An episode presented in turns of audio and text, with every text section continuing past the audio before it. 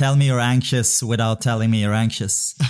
Det är eh, liksom, det, jag mår bra nu. Det känns inte bra.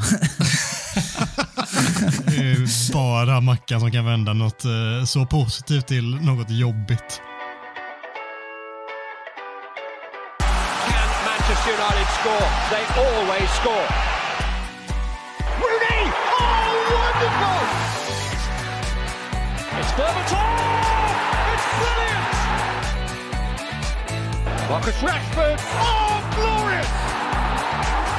That is a special one! It's Beckham! It's a beauty!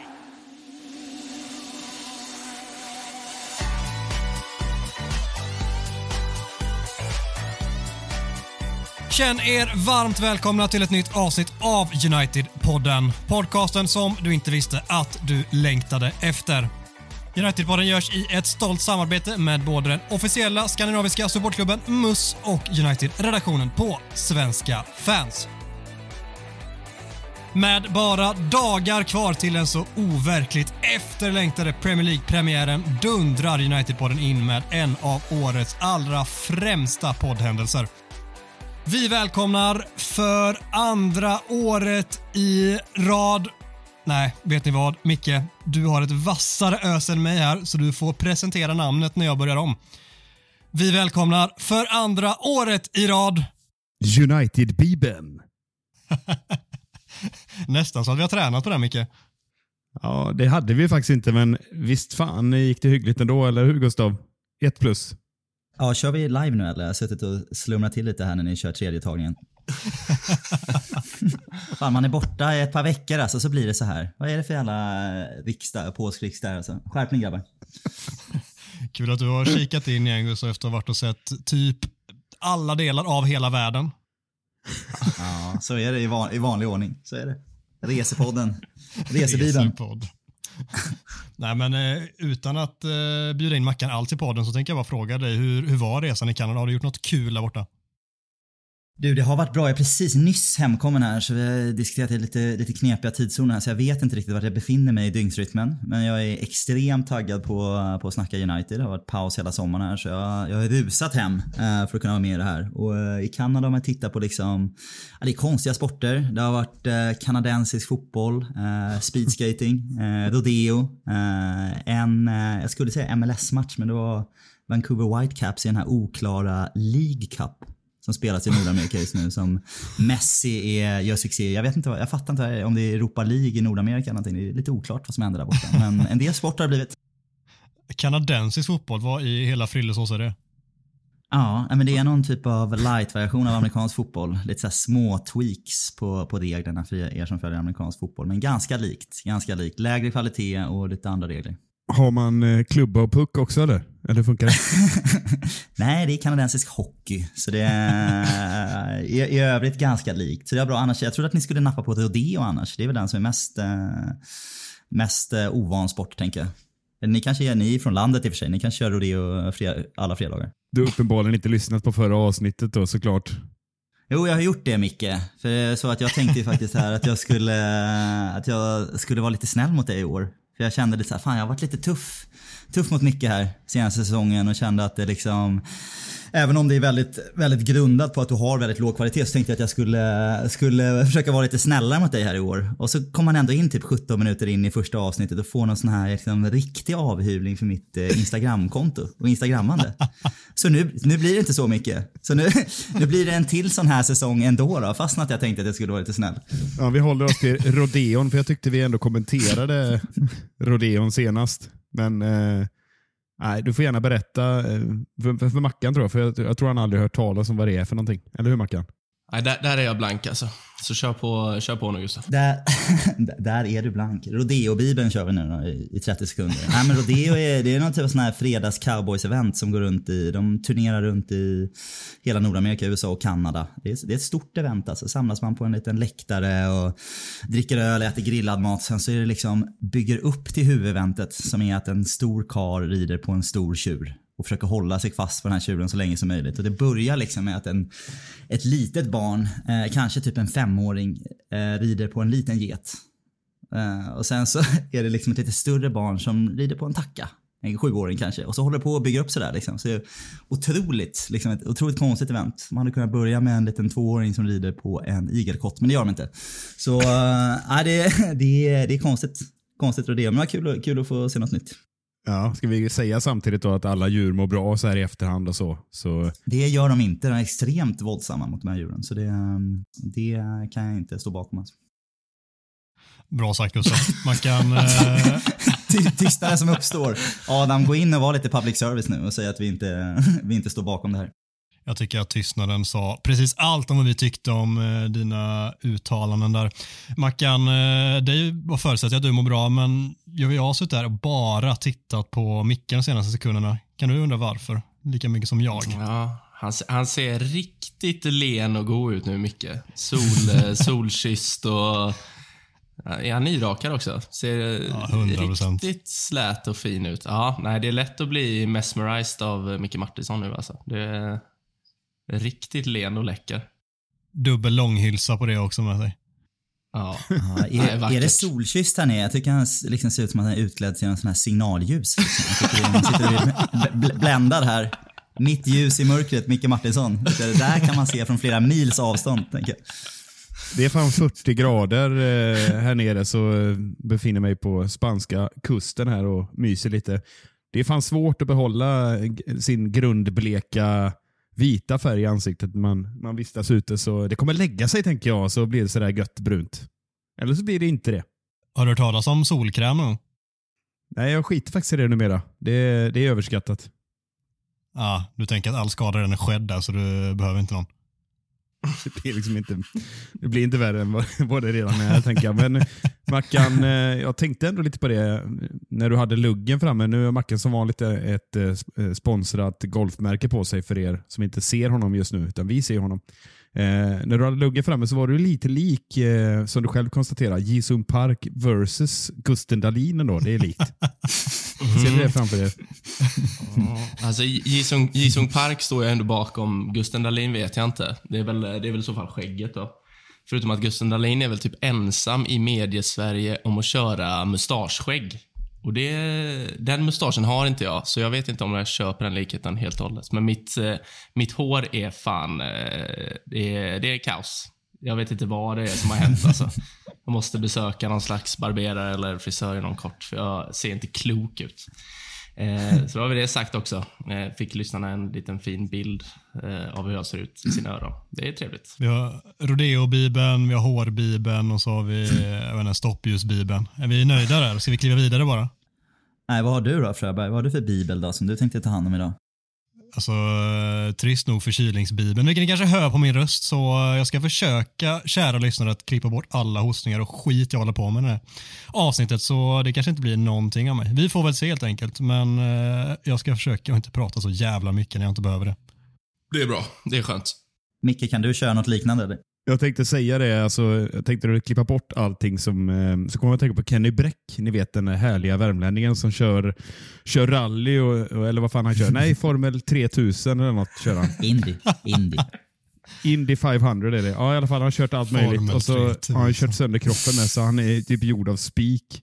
Men det var inte det jag skulle komma, på, komma in på, utan noterat att när han pratar så säger han bara om en säger. Ja, jag brukar köra bil om en säger. Och jag tycker det är jättekul om en säger. Så var det en komiker som eh, drev om det en gång, eller en imitatör som konstaterade att han skulle skriva en bok om en säger och tar den bort alla om en säger så blir det inte mycket till bok kvar om en säger. Det är lite samma sak med dina hustningar då.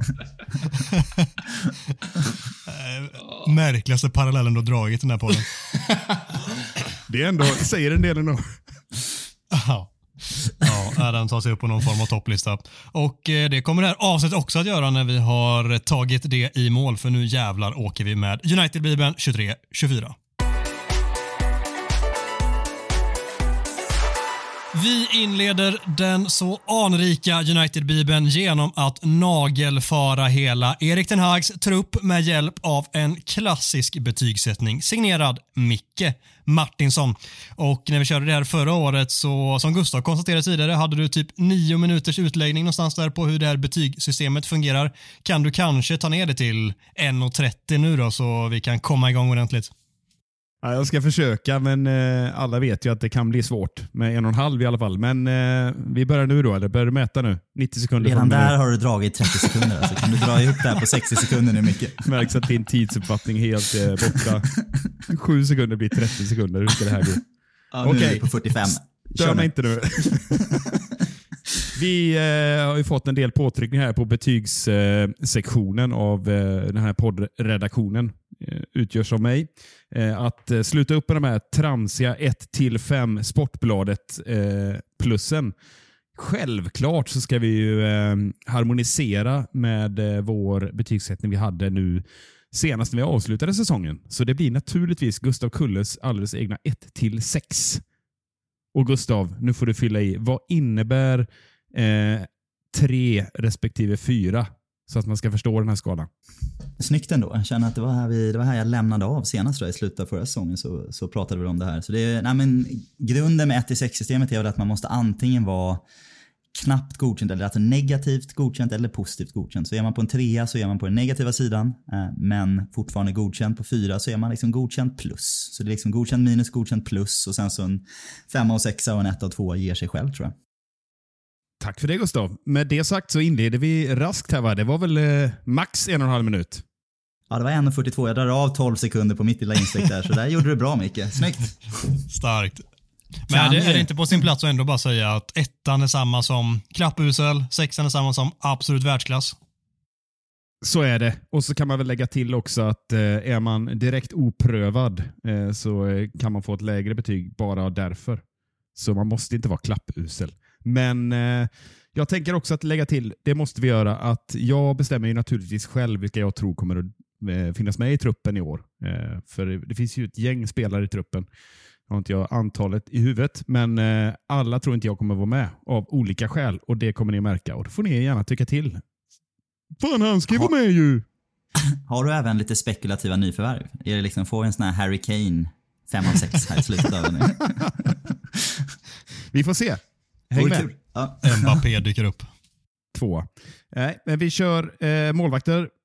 På eh, nivå tre inleder vi där och där placerar vi Gustav Kulles ölkompis Tom Heaton. Han kvalar ändå in på en stabil trea. Eh, jag drar vidare här med de andra två också innan ni får kommentera tänker jag. Vi hoppar vidare och jag tror faktiskt att Dean Henderson kommer att bli kvar i klubben och han kvalar in på en fyra. Och sen eh, naturligtvis vår nya stjärnmålis Oh, na na na eller vad han nu heter. Han kvalar alltså in på en fin femma. Där har ni det. Tre, fyra, fem. Jag tycker rent spontant att det känns väldigt snällt att ge Henderson en fyra. Alltså. Eh, han har väl knappt spelat fotboll på, vad är vi, åtta månader nu.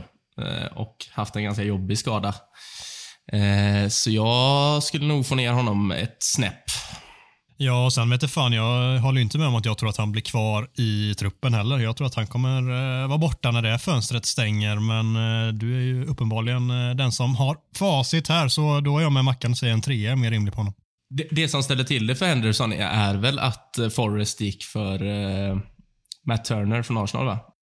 Ja, men det sägs väl att det inte ska påverka jättemycket att de fortfarande vill ha Henderson, att det liksom oavsett inte är eh, ut, alltså att han kommer inte vara den som de tror på permanent som första målvakt så kan de lösa Henderson så gör de det och eh, annars så tror jag att de är rätt nöjda med Turner också så det verkar inte vara så att det utesluter Henderson är vad, vad rapporterna säger i alla fall.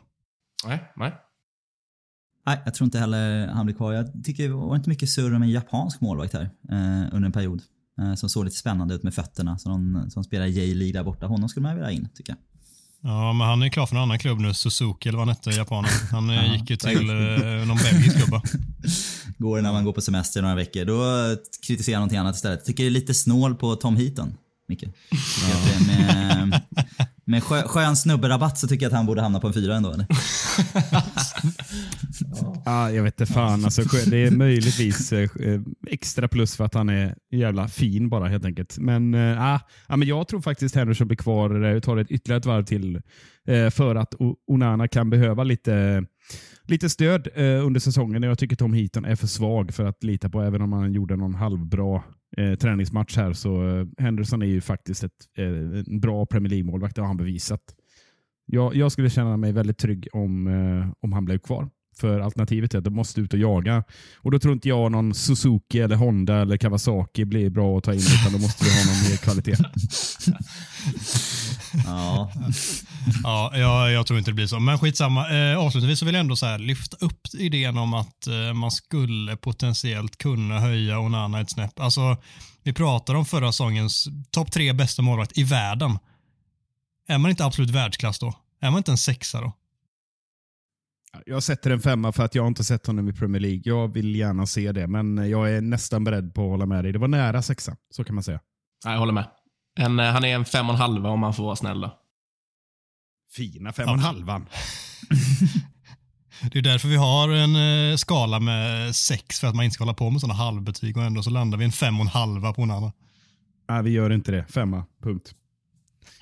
Bra Micke, vi går vidare då. Vi går vidare till backar och här eh, börjar jag med att rensa bort några namn som finns på Uniteds hemsida. Jag tror inte att Alvaro Fernandes, Teden Mengi eller eh, Erik Bajy kommer att eh, spela i trupp eller vara med i A-truppen helt enkelt av olika skäl. Eh, och sen har vi då eh, kära, kära Harry Maguire som vi denna presslagas, eh, vad säger man? Vad fan säger man? Presslaga? Nej, det säger man inte. Vid, vid denna publicering. Nu, nu snår jag in mig på journalisttermer här som jag inte klarar av. Gör aldrig det, det, igen. här, det här bottnar han inte i känner jag. Fortsätt Ah, Micke. herregud. Harry Maguire i alla fall, när vi släpper det här avsnittet så eh, känns det som att han sitter i eh, West Ham-båten och ror någonstans. Eller vad tror vi? Jag kommer inte betygsätta de här herrarna. Får vi några klagomål på det? Rimligt. Nej, fullt rimligt. 30 miljoner pund. Eh, typ klart eller? Var det så idag? Ja, det, det ska väl eh, förhandlas om de sista detaljerna och om ett eh, kontrakt. Det är väl det som sägs enligt alla trovärdiga källor och då kan vi räkna med att det blir av även om det såklart är helt sjukare saker än att det då skulle kollapsa. Men eh, med all sannolikhet så är Harry Maguire en West Ham-spelare inom kort. Hashtag dålig affär. Köpte vi honom för 90 miljoner pund? Var det så mycket? Nej, 75 plus 5. 75. 75 plus 5, 80. Ja. Fortsatt dålig affär alltså. Ja, ja. Ja, det får man säga. Men det blir bra för Harry det här, tror du inte? Jo. Skiter, Ska- i, skiter i det du. Bra för United tänker jag. Väldigt bra Ja. för United framförallt, tänkte jag. Jag, jag pudlar ju lite mot mitt uh, Maguire-hat här senast, men uh, fan, det, det krävs bara liksom 20 minuter av att se honom på plan igen, så bara eh, kommer det tillbaka till mig. Bara, fan vad dålig han är alltså. Så det känns ju ändå med en väldigt assist. bra. Avsluta på topp med en assist. Ja, fast det, han gav ju bort ett mål. Jag tycker ändå att det väger tyngre alltså. Ett, ett gammalt Maguire-hattrick. Hade han ett gult också så hade det varit... Nog pratat om Harry Maguire. Nu går vi vidare då och eh, liten skräll här då eh, på 2 plus-nivån. Tänker ni eh, att blir verkligen Brandon Williams kvar? Jag tror faktiskt det. Eh, och Det beror lite grann på om vi nu värvar in, värvar in någon ersättare för Maguire, för då puttas ju Shaw in som ett möjligt mittbacksalternativ och då plötsligt så står han där, Brandon Williams, och kanske får chansen i kupper eller vad det nu kan vara. Men eh, jag sätter en tvåa där och så hoppar vi vidare på Gustav Kulles favorit. Som jag också tror blir kvar. Eh, jag tror att man signar eh, på, om man inte redan har gjort det, John Evans förlänger. I alla fall fram till, fram till eh, januarifönstret skulle jag tro. Mm. Och eh, det är lite hårt, men jag har satt en trea på Johnny för jag, jag tycker han, jag vet inte riktigt var han står. Han spelade inte jättemycket i fjol. Eh, är ju naturligtvis en bra Premier League-back som är hemma igen, vilket känns fantastiskt. Men Marassia och han ligger där på tre-nivån om vi ska hoppa vidare till nästa. Och eh, Går vi vidare ytterligare ett snäpp upp till fyra så finns det i min värld tre stycken som kvalar in där. Dalot, eh, Van Bissaka och Lindelöf. Ligger på stabila fyror och gör det bra på olika sätt. Och så höjer vi upp nivån till fem och där hamnar Rafael Varan. som jag eh, tycker är nära en sexa. Men jag sätter en femma för att jag tycker att han är lite, lite sämre än de andra två. Som jag höjer upp till en sexa och att skaderisken alltid finns där. Så Luke Shaw och eh, Lisandro Martinez naturligtvis ligger där på en solklar sexa. Ja, här, här vill man hoppa in känner jag. Det är John Evans på en trea alltså. Det är, det är inte okej, Micke. Det är det inte. Så här kan vi inte ha det faktiskt. Det känns som att du har någon personlig vendetta mot mig nu. Det Evans är, är en solklar fyra med, med haft högre högsta potential i sig. Nu har jag inte sett honom så mycket men jag tror att han, han är fortfarande en stabil fyra. Victor Lindelöf är om man är som man avslutar förra säsongen så är han ju en 4 plus med, med liksom ännu högre potential. Men om man är som man har varit i resten av United-tiden så tycker jag att han är en trea. Liksom. Eh, så jag vet inte, man får väl, det beror på lite vilka glasögon man har på sig när man tittar på den gode Lindelöf. Mm, det är väl klassiska, är glaset halvfullt eller halvtomt? Det var gäller honom. För jag, jag håller med dig. Det är nog en, egentligen en trea, men sista tre månaderna i beaktning så blir det plötsligt en fyra. Men det tar vi. Men jag tycker kan man inte bara konstatera så här, jag tror det är länge sedan jag kände att vi hade en sån här sund backuppsättning. Liksom. Jag har aldrig, typ knappt ens under våra glory days, det är typ 99 eller någonting som jag kände att vi hade en sån här bra, liksom sex stycken bra backar. Som man kan rotera runt lite på. Man kan flytta in Shaw lite i mitten och det är Dalot eller Wan-Bissaka på högerbacken och det är även Malassia. Så jag tycker att det är otroligt sund försvarsuppsättning. Mm, jag vill ju ha in en till mittback nu när Maguire lämnar och då även om Evans får ett kontrakt och han kan nöja sig med att vara någon form av typ femte val på mittbackspositionen där han spelar någon gång ibland så vill jag ha in en, en tydligare konkurrent som är mycket, mycket närmre varann i eh, kvalitet för att eh, ta sig in där. Men annars håller jag med dig, alltså backlinjen har aldrig mått eh, så här bra sedan Sir Alex lämnade, typ. Det, jag kan inte tänka mig det och det, det känns ju jävligt skönt att det är så. Macka, du kommer snart in här och svinga gissar jag, men, men eh, jag, ni hör ju vad jag försöker komma till. att Jag tror ju att eh, Erik Ten Hag litar väldigt mycket på Lindelöf och det är möjligt så att de här sista tre månaderna var bara en Lidnersk knäpp när han kände ansvaret eh, när Martinez blev skadad. Men kan han fortsätta hålla den nivån, då ser inte jag paniken att ta in någon, om vi ändå har Johnny Evans som är bra. Men han kan ju inte spela varje match såklart, men han skulle kunna gå in ett par, ett par matcher eh, i månaden och göra det riktigt bra. Det är jag helt säker på. Och sen Luke Shaw har ju redan visat, så att jag känner mig också jättetrygg med det här. Men jag, vad tror ni? Tror ni Brandon Williams blir kvar eh, i truppen? Fina jävla Brandon Williams. Jag, jag, tror att, eh, jag tror att han blir kvar för att eh, intresset runt honom verkar vara så jäkla svalt. Jag tror, att, jag tror att United inte har haft några problem med att antingen sälja honom eller eh, låna ut honom med någon typ av köpoption eller liknande. Sen eh, får jag bara tillägga, jag tror ju inte att Johnny Evans blir kvar. Jag tror att han lämnar. Eh, läste senast idag att eh, flera engelska klubbar är intresserade, eh, varav toppklubbar i Championship. Jag tror att han eh, jag tror att han kör månaden ut, eh, eller fram till säsongen startar och sen eh, går han vidare. Och Jag är tämligen övertygad om att eh, en ersättare kommer värvas in också. Sen, sen får jag bara säga här kring betygen, jag tycker att du är lite snäll mot Dalot alltså. Om man, ser, om man ser till hans vår och den här försäsongen så tycker jag att det är väldigt snällt att placera honom på samma betyg som Aaron Wan-Bissaka. Ville bara få det sagt. Jag tycker att Wan-Bissaka är ganska långt före Dalot just nu, enligt mig. Både offensivt och defensivt. Så det, det var snällt med en fyra, tycker jag. Ja, jag är, nästan beredd att hålla med där. Och det, jag tycker ändå tufft att sänka Dalot, nästan höja Wan-Bissaka istället då. Om man, om man skulle vända och vrida på det här. Ja, fast jag, tycker, jag vet inte om jag tycker Wan-Bissaka är en femma, men... Eh, nej, jag, eh, jag tycker ju inte att Dalos utveckling har gått spikrakt uppåt de senaste sju, åtta månaderna, utan det har varit motsatt riktning, tyvärr. För jag tycker i grund och botten att han har många bra kvaliteter. Det är bara det att han eh, känns väldigt, eh, väldigt slarvig, både defensivt och offensivt nu. Tycker jag. Jag tycker han ser nervös ut. Det känns som att han känner av eh, eh, pressen att han måste leverera varje gång han spelar. För Aaron går först nu. Liksom. Det, det, är en, det behöver man inte vara rocket science för att se. Men varför skulle, varför skulle Johnny Evans eh, gå till Championship? Varför ska han lämna Leicester då? För, för Leicester har ett bra lag. Siktar väl på att gå upp igen. Jag tror han blir kvar. Var, varför skulle han gå? Alltså, det känns ju givet nu när Maguire försvann. Jag, jag, tror, jag tror helt enkelt inte han kommer få så mycket speltid. Alltså. Jag, jag tror att han... Eh, vad blir han nu? Han blir femte valet. Jag antar att, eh, jag antar att både Shaw och Lindelöf går före honom som mittback och eh, jag är eh, som sagt helt säker på att en till mittback kommer värvas. Eh, det verkar som att United är väldigt inställda på det om man läser rapporterna. Eh, och Då blir han helt plötsligt sjätte val. Då blir det inte så många matcher på ett halvår. Liksom. Då blir det väl max två, två framträdanden kanske. Han har tur att få hoppa in i ligacupen. Liksom. Jag vet inte om han är så sugen på det.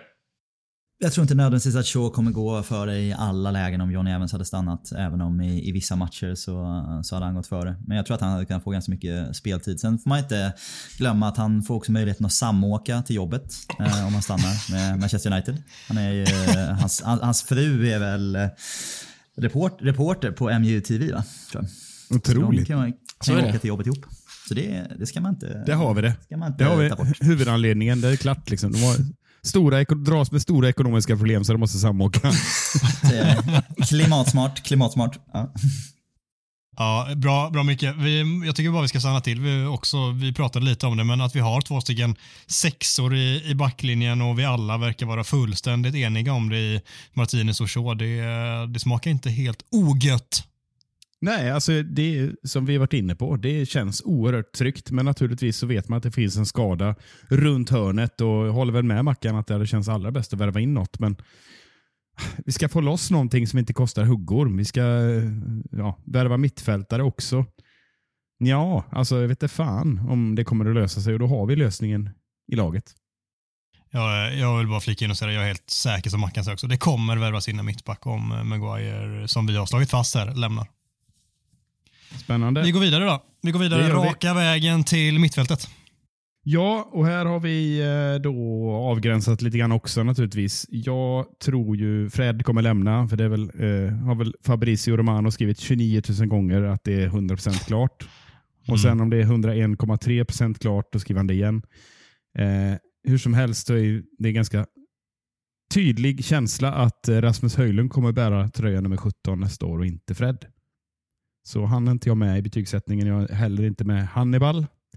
Eh, Även om jag tror eh, han är nära eh, så känns det som att det blir väl en utlåning där va? Det känns verkligen så. Med det sagt så hoppar vi till nästa wildcard som jag ändå får för mig blir kvar. Och Det är Donny van de Beek. Jag tror inte vi blir av med den jäveln. Så då ligger han och skvalpar på en tvåa där. vi blir av med var elakt. Det var elakt. Jag är lite elak, men det får man vara. Donny har sett vilsen ut. Vi har konstaterat det många gånger. Och han får skvalpa omkring här eh, just för att, eh, jag vet inte hur mycket kontrakt det är kvar. Adam, du brukar vara en databas på det här. Men Ja, den här har jag faktiskt inte, men jag tror att det är till eh, 2025. Jag är inte hundra. Känns så. Känns så. Och prislappen bara sjunker och sjunker och sjunker. Eh, och intresset. Vi har haft huvud, huvudet i sanden här nu. Har, är det inte så att det har snackats med honom om eh, Sociedad, Sociedad eller? Sociedad, ja. Mm, men svalnat lite också. Så det, jag, håller med, alltså så här, jag tror nog ändå att han lämnar i slutändan, men jag förstår var du kommer ifrån när du säger att du tror att han blir kvar. För svårt att se vart fan ska han ta vägen. Det verkar inte vara någon som är sådär assugen på att plocka honom. Konstigt. Nej, och ett, lån, ett lån blir ju jättekonstigt med. Liksom, vem, fan ska, vem ska ta Tillbaka till Holland är det enda jag ser. Liksom. Och, och tillbaka till Ajax istället. Men eh, vi får se. Jag går vidare med nästa tveksamma herre. Då. McTominay eh, är väl en känsla också där att han kan försvinna. Eh, nu, jag, jag vet inte, ni vet säkert mer, men eh, West Ham-ryktet. Jag har svårt att se att vi släpper honom billigt, för man vill fan ha betalt för en egen produkt. Så trea ligger han där och myser runt på fina skott. Vill ni kommentera innan jag går vidare? Nej, men jag vill ändå kommentera prislappen. Jag är många som tycker att de här, det var ju snack om 30 plus 30 för McQuire och McTominay från West Ham att det skulle vara något dubbelbud. Jag vet inte om det var Athletic eller om det var officiella källor som, eller om det var bara ryktesvägen. Men är inte 30 miljoner pund ganska bra för Scott McTominay? Eller? Jag gillar ju ändå Scott McTominay men det är, du säger ju själv han är en trea av sex. Liksom. Ska vi få 45 miljoner pund för, för honom? Det är väl bara känslan jag har att, att, eh, att han har fortfarande en växel till i sig i rätt omgivning. Och Det är ganska tydligt att han inte ingår liksom i, i planerna för, för Ten Hag. Utan han, han får ju hoppa in och spela när det är liksom skador, känns det som. Och det, det är inte bra för hans utveckling, men det är lite samma där. Han vill nog inte bara gå till Hearts i Skottland och, och nicka tegelstenar, liksom, utan han vill nog ha en rätt så vettig språngbräda vidare i karriären. Ja, jag känner bara att liksom, om, man, om man snackar om att sälja Fred för typ 5-10 miljoner pund till Galatasaray och jag antar att Donny hade väl gått för 10-15 någonstans kanske i, i, bästa fall. Att Scott McTominay skulle gå för 40-45 liksom. Det känns ju, han, han kan ju lika gärna få en Tom Cleverly-utveckling härifrån liksom. Jag tänker, jag tänk, det jag tänker mest är att om, om eh, West Ham är beredda att betala 30 miljoner pund för Harry Maguire som är, vad är han, fyra, fyra år äldre än Scott? Tre, mm. fyra år äldre. Eh, och har, alltså Scott McTominay har inte varit otroligt bra de senaste två säsongerna, men han har ändå haft perioder där han har varit en bra spelare i United. Eh, och är yngre, är fostrad i England. Det är värde i det. Eh, så jag, jag, tycker ju att eh, alltså 5-10 miljoner pund till borde, borde man kunna få loss för honom. Speciellt West, för West Ham som ändå haft ett så stort intresse i honom. Nu verkar de ha gått för eh, frisparkskungen från Southampton istället. Eh, så det är väl om eh, Mickes det är väl Mickes spaning från igår där då, om att eh, McTominay ska till Newcastle och härja. Det är väl det, är väl det lilla intresset kvar. Tur att han höll lite låg profil när de spelade det här tidigare i år. Hela planen håller på att sys ihop nu. Ja, precis. Nu, Men de värvade någon hips, hipstrig italienare istället. Det, det hatar ju inte vissa delar av podd-Sverige. Skit i det nu. Vi går vidare eh, och eh, fortsätter på 3 plus-nivån. Och här får jag nog lite motstånd tror jag. Men Kobi Mainu eh, ligger där än så länge innan man har spelat Premier League. Eh, träningsmatcher är en sak. Och Ser man till konkurrensen här i jämförelse så Christian Eriksen hoppar upp på en fyra. Eh, har bevisat sig vara ja, över de sista tio åren minus intersvängen en hyfsat jämn Premier League-spelare kan man lugnt säga. Eh, och eh, Därför kanske en del tycker det är konstigt att jag sätter en femma på Mason Mount. Som jag ändå känner har en, en högre höjd och en yngre spelare och allt vad det nu innebär. Han kanske inte är på femma nivå nu, men jag lägger in lite potential i nummer sju. Och um, Sen har vi två sexer även på mittfältet. Bruno Fernandes och Casemiro tycker jag är ingen diskussion. Det har ni det? Ja, nej, jag, jag, jag håller med. Eh, det är väl, det är väl eh, som sagt, ja, lite snäll är det mot Mount. Jag skulle ändå sätta en fyra i, i dagsläget eh, baserat på hans förra säsong med mycket skador och svagt spel av inte bara honom utan hela Chelsea och att han dessutom inte riktigt sett så vass ut under försäsongen. annars, annars är jag med dig överallt faktiskt.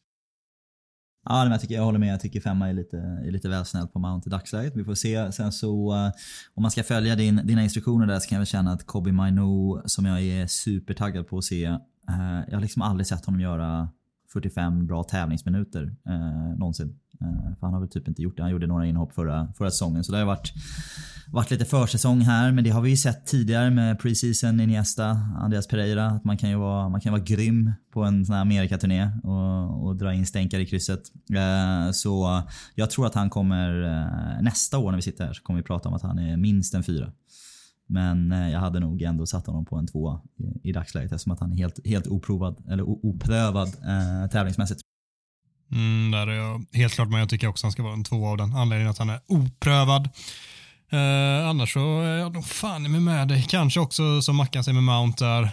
Det, det är väl typ att Mount är en stark fyra och Eriksen är en solklar fyra typ. Alltså Mount är bättre än Eriksen men inte så mycket bättre eh, än så länge vad vi vet. Men eh, du klarar dig ändå undan med eh, andan i halsen på att säga. ja. Ta tack Adam. Klassiska uttrycket. Varsågod. Otroligt klassiskt. Då går vi vidare till eh, anfallare slash yttrar då, som jag väljer att göra. United har något konstigt sätt att placera in spelarna. Eh, Facundo Pelistri är till exempel mittfältare på hemsidan. Det är väl tveksamt eh, hur man nu ser det. Men, men jag tänker i alla fall att eh, han är en ytter. Men eh, hur som helst, eh, namnet som alla hatar att uttala. Shoretire, eller Shortire som man kan säga också. Han kommer inte att vara med i truppen, tror inte jag. Även om han har sett spännande ut, så vi konstaterade förra avsnittet och hans bror är tre år och är redan på Messis nivå. typ. och leker i Ja. Gotia Cup. Så eh, jag tror inte han är med. Eh, Får jag någon protest på det innan jag går vidare? Nej. Nej. Ja, men sen, sen är det ju lite tveksamt med, med de två herrarna på, på nivå tre här då. Ahmad är ju skadad, eh, men jag har en känsla att han blir kvar. Eh, och Pilistri då, har också en liten känsla att han blir kvar. Även om det kanske inte blir så mycket speltid då. Men ehm, mm, eh, Ska vi stanna där eller ska jag studsa vidare?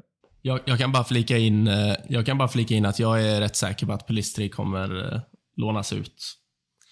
Eh, jag tror inte han kommer med i truppen i år. Jag skulle säga samma. Jag tror inte att båda är, båda är kvar och Pelistri ligger, ligger närmast till en utlåning. Protester Adam?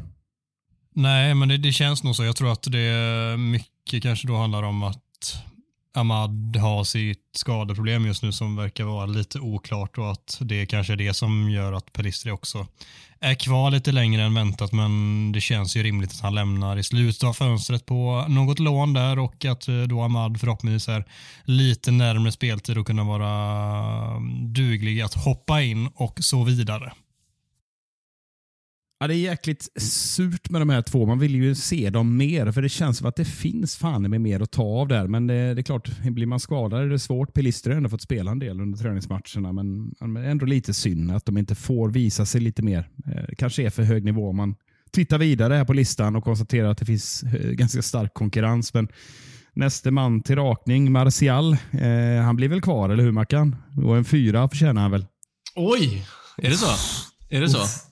Det är... Fan, till, till och med jag tycker att du är snäll nu, Micke. Eh, Men eh, kvar blir han ju. Eh, Och i träning är han nu, om jag har sett, sett det rätt på bilderna här. Och det är inte utan att man blir lite, lite småtaggad på att få se honom igen. Den Så fina att du Martial. ute och härjar på Twitter där Mackan. Ja, nej men det... Jag, eh, jag skulle nog sätta honom på en trea i år. Och det är väl eh, lite samma av anledningar som eh, med Mount och Dalot där att, eh, att om man kollar till de senaste sju, åtta månaderna så är det inte jättemycket uträttat eh, i positiv bemärkelse. Eh, men kul att du har honom på en fyra, Micke. Nu blir jag lite, blir jag lite glad.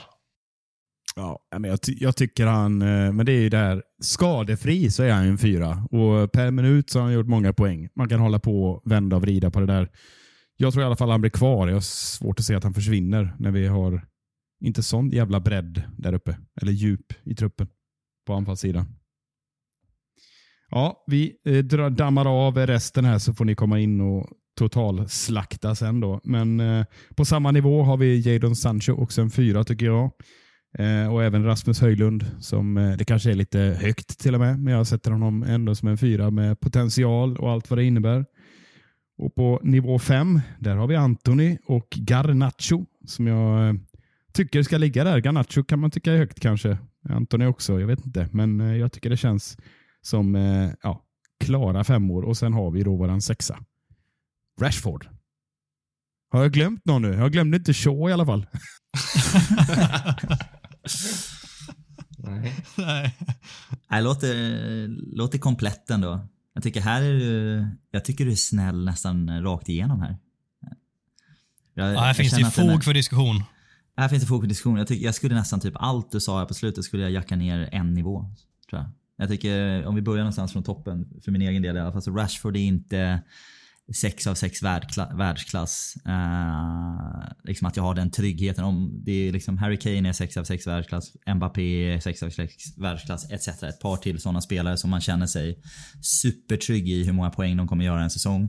Jag kommer komma till det lite senare men jag är inte helt övertygad på att han kommer smälla in liksom 25 plus 20 eller 25 plus 15 eh, den här säsongen också. Kanske. Eh, men han har liksom inte haft den kontinuiteten tillräckligt länge för, eh, enligt mig för att, för att vara en 6 av 6 även om vi älskar Marcus Rashford. Vilket gör också att eh, jag tycker Antonio och Garnacho eh, gillar jag jättemycket men jag tycker att en femma är också, de är liksom inte ett snäpp ifrån yttersta världstoppen i mitt tycke utan de, eh, de får åka ner på en fyra. Garnacho kan hamna där, Antonio också kanske, men i dagsläget tycker jag inte att de är det. Vilket gör att liksom hela, hela skalan för mig skjuts ner ett snäpp tror jag. Alltså, Garnacho och Antoni, där är jag helt med dig, men fan vad du är ute och cyklar kring Rashford alltså. Herregud. Tycker det? Solklar sexa och jag vet att jag var lite och vacklade där när vi körde betygen efter säsongen och kanske så här, men fem och en halva, men nej, han är fan med en sexa.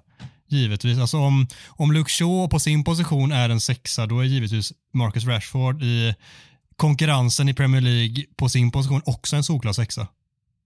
Nej, jag tycker Shaw har varit väldigt mycket bättre på sin som vänsterback eh, under sina toppar under liksom under långa perioder. Han var liksom vår bästa spelare för tre år sedan eller någonting. Medan det känns som att Rashford har haft liksom sina 20 matcher här där han är jättebra och sen så ett år då det var jätte, jättedåligt där kring det här VM-året och sen så var det en kanonsäsong förra, förra säsongen som var helt rätt att vi gav honom 6 av 6 i betyg för säsongen men jag tycker inte att det liksom Jag hoppas ju att jag har fel. Jag hoppas att han går in och är en klockren 6 av 6 även i år. Men jag är inte Jag känner mig inte supertrygg i att han garanterat kommer vara det.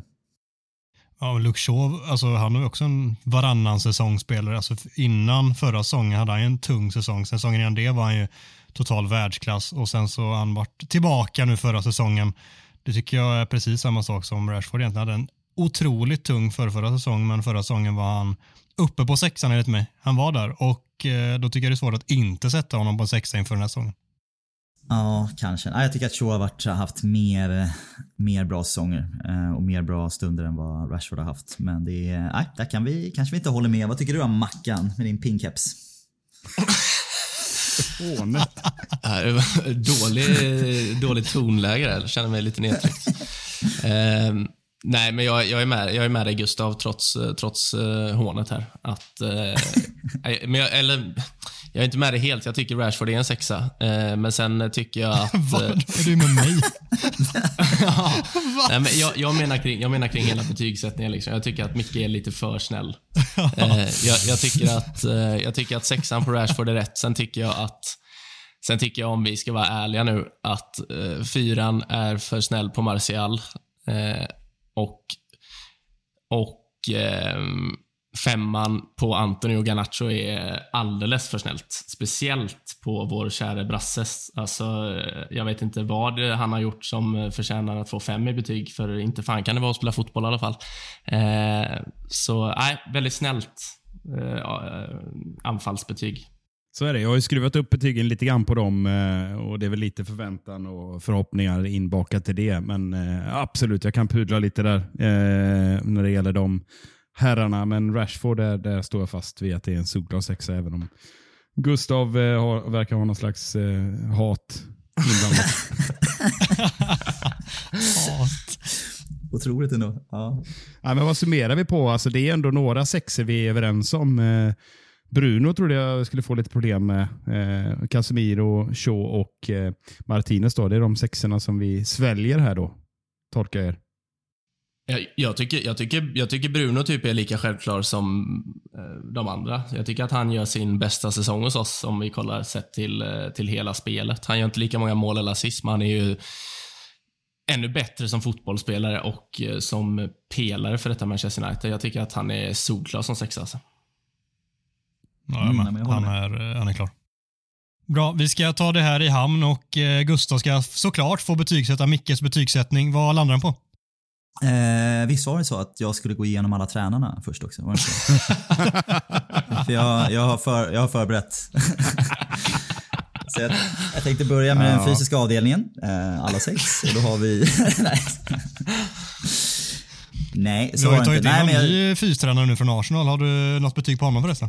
Katastrofer. Det här känns alldeles, alldeles för tidigt. Så det, det, det kommer jag utvärdera efter säsongen, så håll, håll till godo där. Men annars har det inte varit så jättestora roteringar på stabsidan. Jag kommer komma till det lite senare. Så, så håll till godo. Håll till godo. Eh, Micke då däremot, men jag tyckte att eh, här är jag ganska mycket samsyn. Jag tycker det går bort det lite här i sista lagdelen då. Jag känner att det är liksom eh, det är 20% för högt på alla, alla spelare. Så det får bli en bra, det blir två av sex tror jag. Tycker jag. Fan det är bra. Två ja. plus. Känns ändå stabilt och tryggt och Börjar vi en ny säsong ja, där vi avslutar förra. Eviga tvåan, Micke Martinsson. Snyggt. Näst på tur står Mackan Eriksson med sina helt väntade fem stycken magsår inför säsongen. Mm. Och detta är ju eh, om... Eh, Alltså om vi jämför den här säsongen med förra säsongen. Förra säsongen hade jag ju kunnat bolla upp, jag vet inte hur många, alltså 15-20 stycken. Bara liksom rakt på, rakt på volley. Eh, nu har jag fan suttit och tänkt hela dagen här och har eh, på riktigt haft svårt eh, med i alla fall få ut två punkter. Eh, tre satt rätt snabbt ändå. Eh, så jag tänker vi börjar med de tre som är mina självklara och så hoppar vi över till mina två. Jag vet inte om vi ska kalla de två sista magsår, utan det är lite mer så här jag vet inte vad som är nästan är magsår, men det är liksom... Det, Begynnande magsår. ja, exakt. Begynnande. Det kittas lite halvknasigt nere i magen. Liksom. Så, lite så är det. Eh, men vi hoppar rätt in i punkt nummer ett här då. Det är... Eh, eh, tyvärr får jag ta upp eh, det här namnet igen, för jag gillar inte det. Men det är Mason Greenwood eh, och hans framtid i, eh, i klubben. Eh, och om, eh, om jag har förstått det här rätt så ska ett beslut komma innan säsongen startar och det, det gör den ju nu. Så då, då innebär det att beslut kommer den här veckan. Eh, och Vad jag tycker om honom, eh, det, det, tror jag alla redan vet. Eh, och Det som ger mig magsår då är att jag tror ju att eh, det kan, komma att bli så att han faktiskt eh, återvänder. och Jag har en riktigt dålig känsla kring det här. Så det, det är nummer ett på min lista. Här måste man ju, jag har inte med honom, jag nämnde inte ens honom på betygssättningen och det borde jag väl kanske ha gjort då. Jag tror inte han kommer att vara med i truppen oavsett. Och om han blir kvar i klubben, jag tror han kommer lånas ut i så fall. Och de träningsbilderna man har sett när han eh, inte kan skjuta eller vad det är. Man har, såg ju sådär ut. Sprang omkring med mysbyxor och såg lite allmänt bakfull ut. Men eh, det är ju en ena delen då, så att jag, jag med, de, med, den, med den, ska säga, i ljuset av det så, så eh, vill jag ändå slå fast att jag, eh, jag tycker ingenting om Mason Greenwood.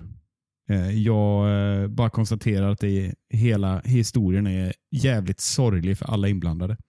Och Jag vet inte riktigt vad jag hoppas på ska hända för hans del eller hans nya lilla familjs del, hur man nu kan eh, leva som en familj efter en sån händelse. Det kan man ju fundera lite grann kring, och, men jag väljer att inte kommentera det mer känner jag för att det ger inte så jävla mycket vad jag tycker om det. Utan jag tänker bara mest att eh, jag tror att beslutet blir att han eh, eh, blir utlånad och sen kommer man eh, peka in någon, någon klausul i det och så säljs Mason Greenwood och så släpper vi det. Ja, och så här, oavsett vad man tycker om eh, fallet i sig och grejen kring Mason Greenwood så kan i alla fall jag verkligen stryka under själva grejen att det ger mig magsår för hela, alltså att vi sättet som det talas om, om honom på och då så, så här, jag vill verkligen inte se honom i United och det finns, det blir så jävla polariserat och eh, en så jobbig grej bara som jag inte orkar med. Jag, därför så här, enklaste är ju bara så här, skicka ut honom på något sätt. Om det är liksom vad man nu väljer att göra så är det allra bästa att slippa problemet i klubben. För jag tror att det blir någon som skulle ta så extremt mycket fokus, onödigt fokus för den här truppen och för det lagets både kortsiktiga och långsiktiga framtid. Så gör er av med problemet istället oavsett och så får vi eh, sluta ha det magsåret kring honom som kommer vara en kronisk jävla skit annars.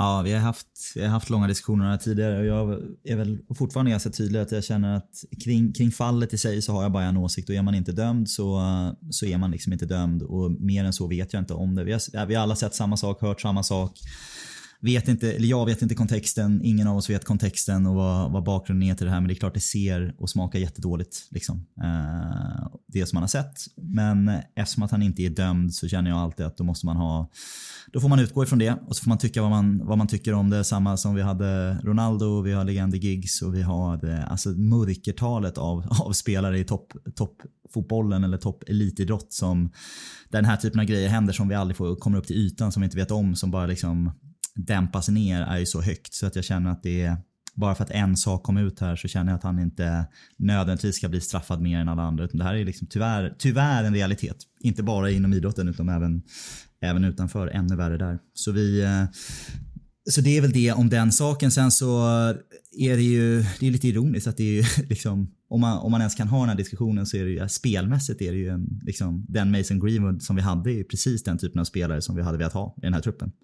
Precis den, den nya som hade varit jätte, jättespännande att ha. Så jag, jag tror att han min gissning är att han kommer ut på lån eh, och att han, han kommer tillbaka till United vid något, vid något tillfälle. Det är inte omöjligt att han spelar i en United-tröja igen. Men det är klart att det, det ger en dålig, lite dålig smak i munnen, så är det.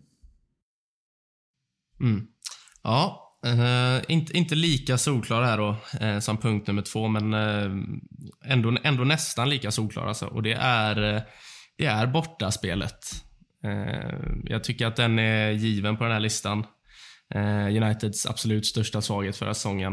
Eh, där vi ganska ofta faktiskt, särskilt mot de andra topplagen och lagen på övre halvan, såg ut som ett helt annat fotbollslag. Gick inte att känna igen.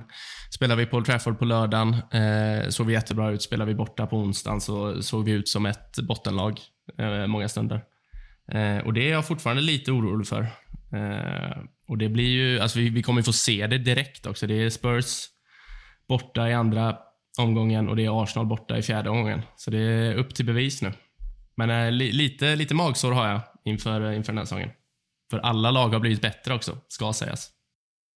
Ja, United har blivit jättemycket bättre också. Jag, jag, jag tror att Ten Hag är mycket väl medveten om det här och har jobbat på det. Sen, sen handlar det om att få ett snabbt resultat. Jag, jag tror inte det blir något större problem att brotta ner han postbanken, eller vad han heter, som styr eh, Tottenham nu. vad heter han? Posten... och det, de har sina problem med Harry Kane och ditten och datten och eh, de Romero och, och kaos i backlinjen. Och de har mycket mer problem än oss tycker jag. Så att jag tror eh, absolut, jag håller med dig Mackan, det är ett litet begynnande magsår skulle jag säga för min del. Eh, men jag tror att ett par snabba fina resultat. Arsenal blir det stora testet såklart. Var det verkligen borta förresten? Ja, det kanske var. Men, eh, men eh, klarar vi liksom Tottenham-hindret och, och får en bra känsla in, kanske får en bra start innan vi möter Arsenal, eh, Ehm, då, då är det väl liksom upp till den. Går det bra i den matchen, då tror jag vi kan begrava det här magsåret. Men ehm, jag väljer ju ändå att vara positiv. Mm. Kul. Eh, nummer tre då. Eh, här har jag målproduktionen. Eh, vi gjorde alltså 58 mål framåt i Premier League förra året och det är, om vi ska vara ärliga, ganska, det är ganska dåligt. 58 mål på 38 matcher, det, det osar inte tredje placering alltså. Jag tänker mer på, ett, jag, tänk, jag tänker på Brentford när jag har 58 mål framåt. Eh, jag tänker inte på Manchester United som gör sin bästa säsong på ganska länge. Eh, vi gör för lite mål och det har väl vi ändå sett under försäsongen också. Det är ganska mycket chanser som skapas och vi spelar ganska bra offensivt men eh, skärpan är liksom, den är inte där. Så det, det, känns fortfarande som att detta Manchester United är väldigt beroende av, av Marcus Rashford och att han ska ha en jättesäsong. Eh, vi har värvat in Rasmus Höjlund, eh, jätteduktig spelare, men han är bara 20 år och jag tror att det är jag tror inte man ska förvänta sig för mycket av honom direkt. Eh, så det som oroar mig är vart ska de övriga målen komma från? Vi har sett på andra lag, Liverpool har Eh, kortfattat, tre spelare som, eh, som nästan garanterar 10 plus-mål. Eh, Darwin Nunez gör en svag debutsäsong och kommer väl ändå upp i typ 16 mål totalt, tror jag. Eh, vi har Mohamed Salah som är en 25 plus-mål garanti. Eh, vi har Jota som trycker in 15-20 bollar. Vi har Luis Diaz som lätt gör 10 plus i Premier League. Och det är bara att ta Liverpool. Eh, så jag, jag, där, där är jag rätt orolig alltså jag, jag, ser inte riktigt, eh, jag ser inte riktigt eh, den här poängproduktionen hos så många andra spelare, förutom kanske Bruno Fernandes. Eh, så ja, målproduktionen gör mig, gör mig orolig. Nej, men jag, jag, håller med dig om att oron finns och det är jätterimligt efter förra säsongen och eh, delvis efter försäsongen också. Där jag håller med dig om att det inte ser ut att klappa till 1000% heller. Men min magkänsla är att dels så har vi eh, spelare som rimligen har utvecklat, till exempel en Garnacho som ska spela mer, ta mer ansvar och som känns ganska redo för det också. Antoni är jag helt säker på kommer göra fler poäng än förra säsongen. Det är, så här, det är inte jättesvårt, för det är inte hur mycket som helst, men jag tror också att det blir eh, en betydande del av fler mål. vilket höjer det. Mason Mount är en spelare som ska göra fler poäng än Eriksen gör, som har gjort det när han har inte haft en tung säsong som i fjol tidigare. Gjort mycket poäng därifrån, både assist och mål. Det jag tror att det är tanken att sprida ut det mer och förhoppningsvis har vi en, en nia som kommer göra mål överhuvudtaget den här säsongen vilket också gör sina mål därifrån. Så jag väljer att vara optimistisk, men jag är inte helt hundra på att det kommer eh, vara så att vi dundrar in en jävla massa mål, men bättre blir det och förhoppningsvis är det tillräckligt bra. Jag, jag tror också det. Alltså, jag, det är klart att vi har inte Harry Kane, vi har inte Salah. Sen tycker jag du höjer upp Liverpools spelare något så in i helvete. Det får du ju lugna ner dig med lite. det var ju 60 mål du räknade upp bara på dem. Liksom. Eh, det tror inte jag. Så bra, bra blir det inte för dem. Eh, men jag, jag, tror också att man kommer sprida ut det. Men det är klart att eh, för att det ska kännas riktigt jäkla bra så är det bra om Rashford upprepar med sina 17 mål från en fjol i ligan och om Rasmus Höjlund kan göra 10 mål och, och Bruno smäller in 8, men då börjar vi liksom och sen har vi ett gäng spelare som är goda för 5 plus mål liksom, och då, då kommer vi nog kunna glida över ja, 70-75 mål som jag ändå tycker att där man borde ligga minst. Liksom. Det är svårt att begära de här 95 målen som, man, som vi gjorde förr i tiden när vi liksom vann alla matcher med 4-0. Liksom. Det, det, fotbollen ser inte riktigt ut så, även om City verkar spela som att det vore 90-talet fortfarande. Ibland i alla fall. Men eh, jag är inte alls orolig här. City, City gjorde 98 mål förra säsongen i Premier League. Bara för att lägga till lite kontext. Och då har de ju en norsk robot också. Så man ska väl inte dra för stora slutsatser av det. Sen, sen, sen alltså jag... Kring Liverpool-spelarna där, det var bara ett snabbt exempel. Alltså vi, där ser jag tydligare att de har mål i sig. Garnacho, absolut. Han, han är väl den som har störst potential, förutom, förutom Rashford och, och Höjlund, att faktiskt, att faktiskt bidra med de här 10 plus målen i Premier League. Det, där jag fastnar är att det det, det, känns inte lika självklart som hos de andra topplagen vilka det är som ska stå för målen. Och det, det, tycker, jag, det tycker jag är oroande. Alltså. Ta Arsenal då. Vem är det som ska ösa in målen där, tänker du? Ja, där är det, där är det ju lurigt faktiskt. Där, där hade de ju förra säsongen där både Saka och Martinelli gjorde över 15 va? Eh, och Ödegaard mm. gjorde väl, Ödegaard gjorde väl 15 70, också. Ja, 15. Eh, så där, där har de ju ett eh, seriöst problem, särskilt nu när Jesus missar början av säsongen och jag vet, jag vet inte hur högt jag rankar Enketia. Alltså. Eh, så det är väl... Kai Havertz möjligen där som inte kan träffa en laggårdsvägg inifrån. Liksom. Det... ah, nej, precis. Så det, det, det, är väl... Det är väl ett nästan lika stort frågetecken. Samtidigt så har ju, så har ju Ödegaard uppenbarligen mål i sig. Likadant med Saka, likadant med Martinelli. Nu, nu är inte det här någon Arsenal-podd där, utan eh, ska jag vara helt ärlig så skiter jag fullständigt fan i dem. Uh, utan mitt oro Men Liverpool brydde dig om? Det, det, var ju, det, det, var ju ett snabbt exempel. Jag hade, jag hade kunnat ta City eller, eh, eller något annat lag om det var så också. Newcastle till exempel. De hade väl några gubbar som slutade på 10 plus mål där också. Liksom. Inte bara en. Nej, jag vet. Jag, jag, eh, nej, men jag, jag håller inte riktigt med om oron lika mycket här. Men jag tycker att det, det är ju är ju att konstatera, som vi säger, vi har inte haft en, en vettig nia här hela förra säsongen. Uh, och det är ju, jag tror att det spiller över ut på produktionen på yttrarna också. Uh, det är jättebra att Rashford har kunnat göra de målen från, från sin kant. Men om vi kan ha en vettig nia som gör poäng Eh, som vi inte haft när vi hade Cristiano Ronaldo som hade en katastrofsäsong. De matcher han gjorde i början förra, förra året. Wout Weghorst ska vi inte ens gå in på. Martial spelade aldrig mer än två matcher i rad. Så det är liksom, vi, vi hade, spelade ju mer eller mindre utan en nia hela säsongen. Så jag tror att om Höjlund nu kan kan bli vår nia, även om han kanske inte nödvändigtvis öser in 35 mål första säsongen, så tror jag att det kan frigöra fler poäng från andra också. Så jag är inte alls, inte riktigt lika orolig som ni är. Det är bra. Det är bra. Det är, det är jag som ska vara mest orolig. Det, pa, det passar min, min roll den här det, det är skönt. Eh, om, vi, om vi hoppar vidare till fyran här då.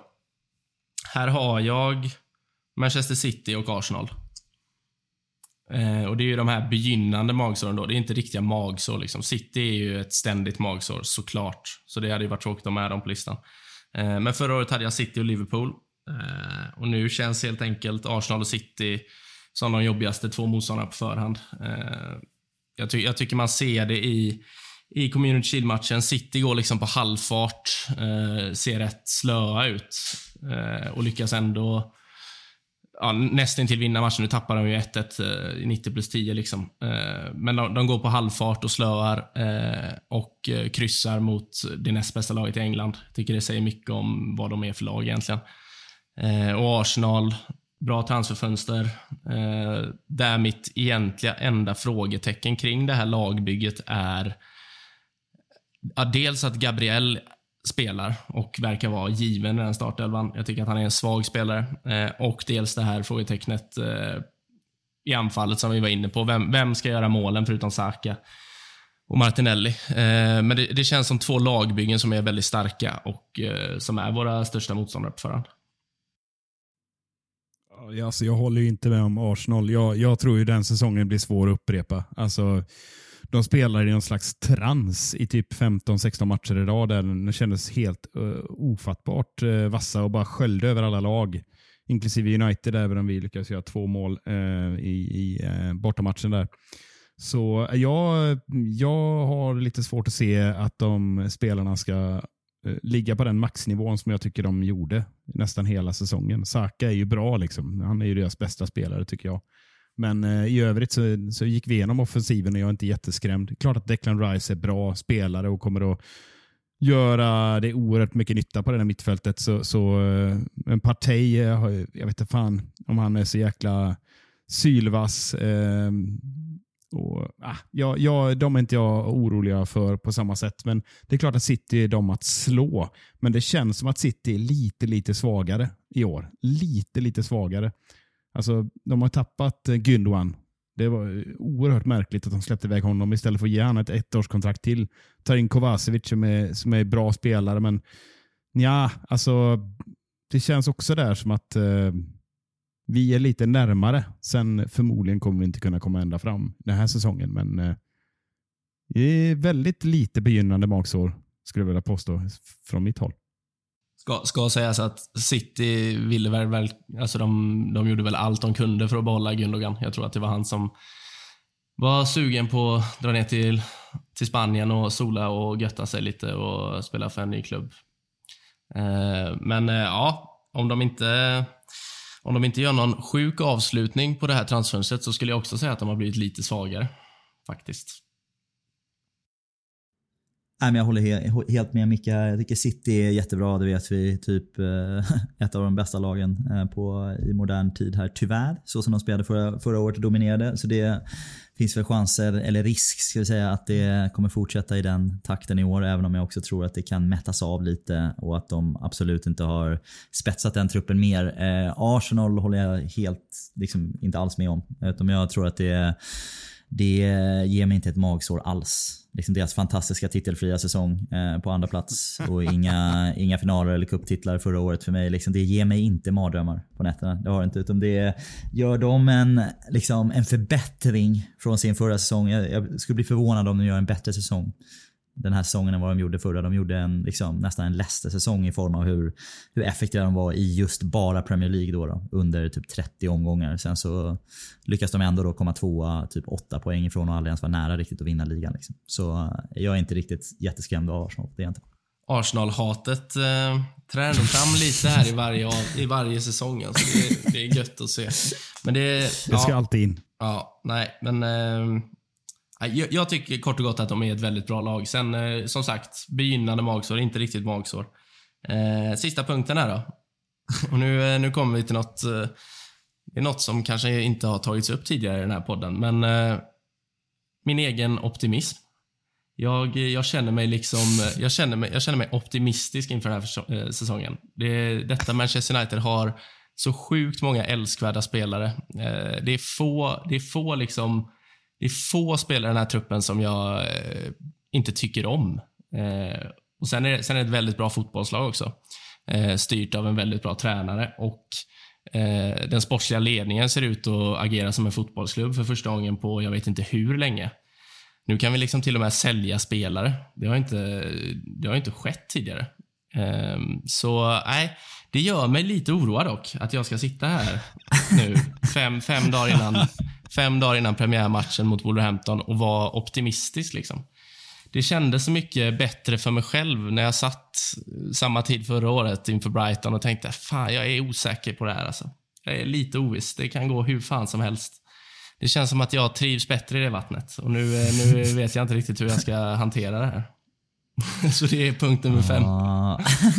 Ja. Tell me you're anxious without telling me you're anxious. Det är eh, liksom, det, jag mår bra nu. Det känns inte bra. Det är ju bara Hur ska jag Mackan hantera kan det? vända något eh, så positivt till något jobbigt. Det var ändå kul, lite, lite filosofisk eh, inverterad spaning där. Jag gillar ändå den. Och jag är också lite orolig för att du är positiv Mackan, måste jag säga. Jag Ja. delar den oron. Alltså jag, jag, vet, jag vet inte riktigt vad det är. Liksom. Jag, jag tror jag varit inne på det någon gång innan, så när, när Varan och Sancho värvades in och eh, vi, vi hade kommit tvåa året innan och man börjar liksom bygga upp någon typ av inre hopp på att fan, det kanske blir en titelutmanarsäsong och så sket det sig i september. Liksom. Jag är lite rädd för det, tyvärr. Så jag, jag gillar inte att bygga upp förväntningar. Liksom. Det, det, det är inte min grej. Det ligger någonting i det. Det är väl den säsongen som jag tänker på direkt också när man hade högst förväntningar eh, efter Sir Alex Ferguson. Det var inte, du lyckas ändå skippa och säga att vi också tog in Cristiano Ronaldo i samma fönster som Jadon Sancho. Ja, det- det var medvetet, ganska- det ett halv- var medvetet, Ett halv, halvbra fönster. Det kändes ju lite spännande. Det kan man ju minst sagt säga, men det blev inte så bra. Nej, men det var min Nej, lista. så är det.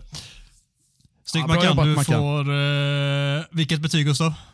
Eh, nej men det här är en stark, det här är en fem av sex. Jag tycker det här är bra. Jag tycker avsluta starkt med lite filosofiska ingrepp här liksom. Och lite själv, självkritiskt också. Det känns som du har växt över sommaren. Marcus, det gör mig glad. Och så kommer det ett hån på slutet. ändå. Det är det väl inte? Det var väl en komplimang? Ja, tack. tack. Vi går vidare.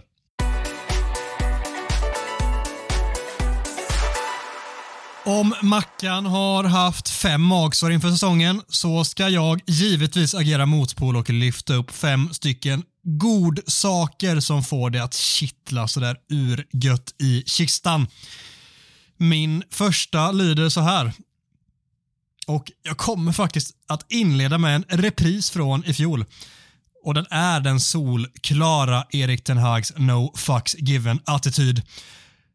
Sedan senast, alltså för ett år sedan, har United-tränaren skeppat en grinig Cristiano Ronaldo åt helvete. Han har pekat på en av klubbens största målvakter någonsin i David de Gea och sagt tack, men nej tack. Och han har rivit av binden från Harry Maguires arm och visat att det nog är lika bra att titta ut efter den där dörren. Det eh, tycker jag känns jävligt uppfriskande att eh, vi såg de tendenserna i fjol inför säsongen och han har banne mig levt upp till dem så det heter duga. Ja, det var helt klart värt en repris. Snyggt Adam. Det, du går från klarhet till klarhet precis som vår käre manager gör. Alltså det, det är just den tydligheten som man älskar eh, i ett ledarskap. Det spelar ingen roll var någonstans man möter det. På en arbetsplats eller för den delen eh, i en fotbollsförening man själv har spelat i eller på toppnivå. Det är oerhört lätt när man slipper tolka eh, och spekulera. Det behöver man inte göra med Erik Den Hag, utan han, eh, han har en tydlig idé som han hela tiden trycker igenom och jag tycker det är klockren spaning Adam. Snyggt. Ja, jag, jag håller med. Jag, tror- jag tror Ledley Kings knä håller med också. De, de, de verkar gilla det där. De verkar gilla honom. Nya hårda Tenag. Ja, nej, stentuff med sina straff. Nej men allvarligt så är det ju, alltså det mesta vi redan sagt, men jag tycker det är så jävla uppfriskande med en tränare som tar de obekväma, de kanske mest känsliga besluten. Alltså han vet att det är så, men han vet också att det är det som är det allra bästa utefter det som han själv tror på så jävla hårt. Och om inte han ska få utrymme och svängrum då för att befria de känslorna och de tankarna, idéerna som han har, då är det ingen idé att ha honom här. Så det, det är såklart att han ska ha all heder för det.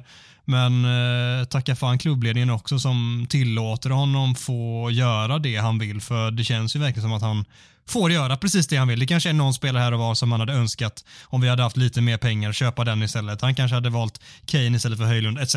Men på det stora hela så tycker jag att eh, det är inte bara han ska få cred heller. Nej, bra sagt. Bra sagt.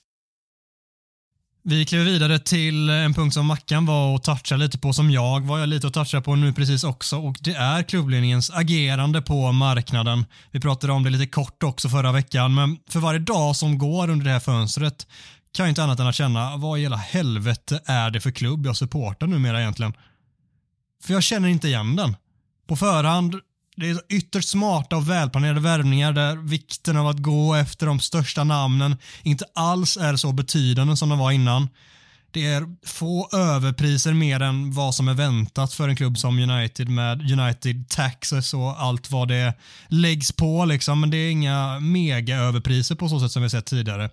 Och sen helt plötsligt så försvinner dödkött från klubben. De får helt enkelt flytta på sig i allt högre grad än innan. Och det är starkt och Eh, vi var inne på det förra veckan, vi ska inte ropa riktigt 100% hejan, men den här sommarens agerande och som vi pratade om förra veckan, att jag tycker verkligen sen sommaren att det blivit bättre och bättre och nu känns det som att de kanske har landat rätt i någonting som vi faktiskt kan tro på långsiktigt också och det känns jävligt skönt.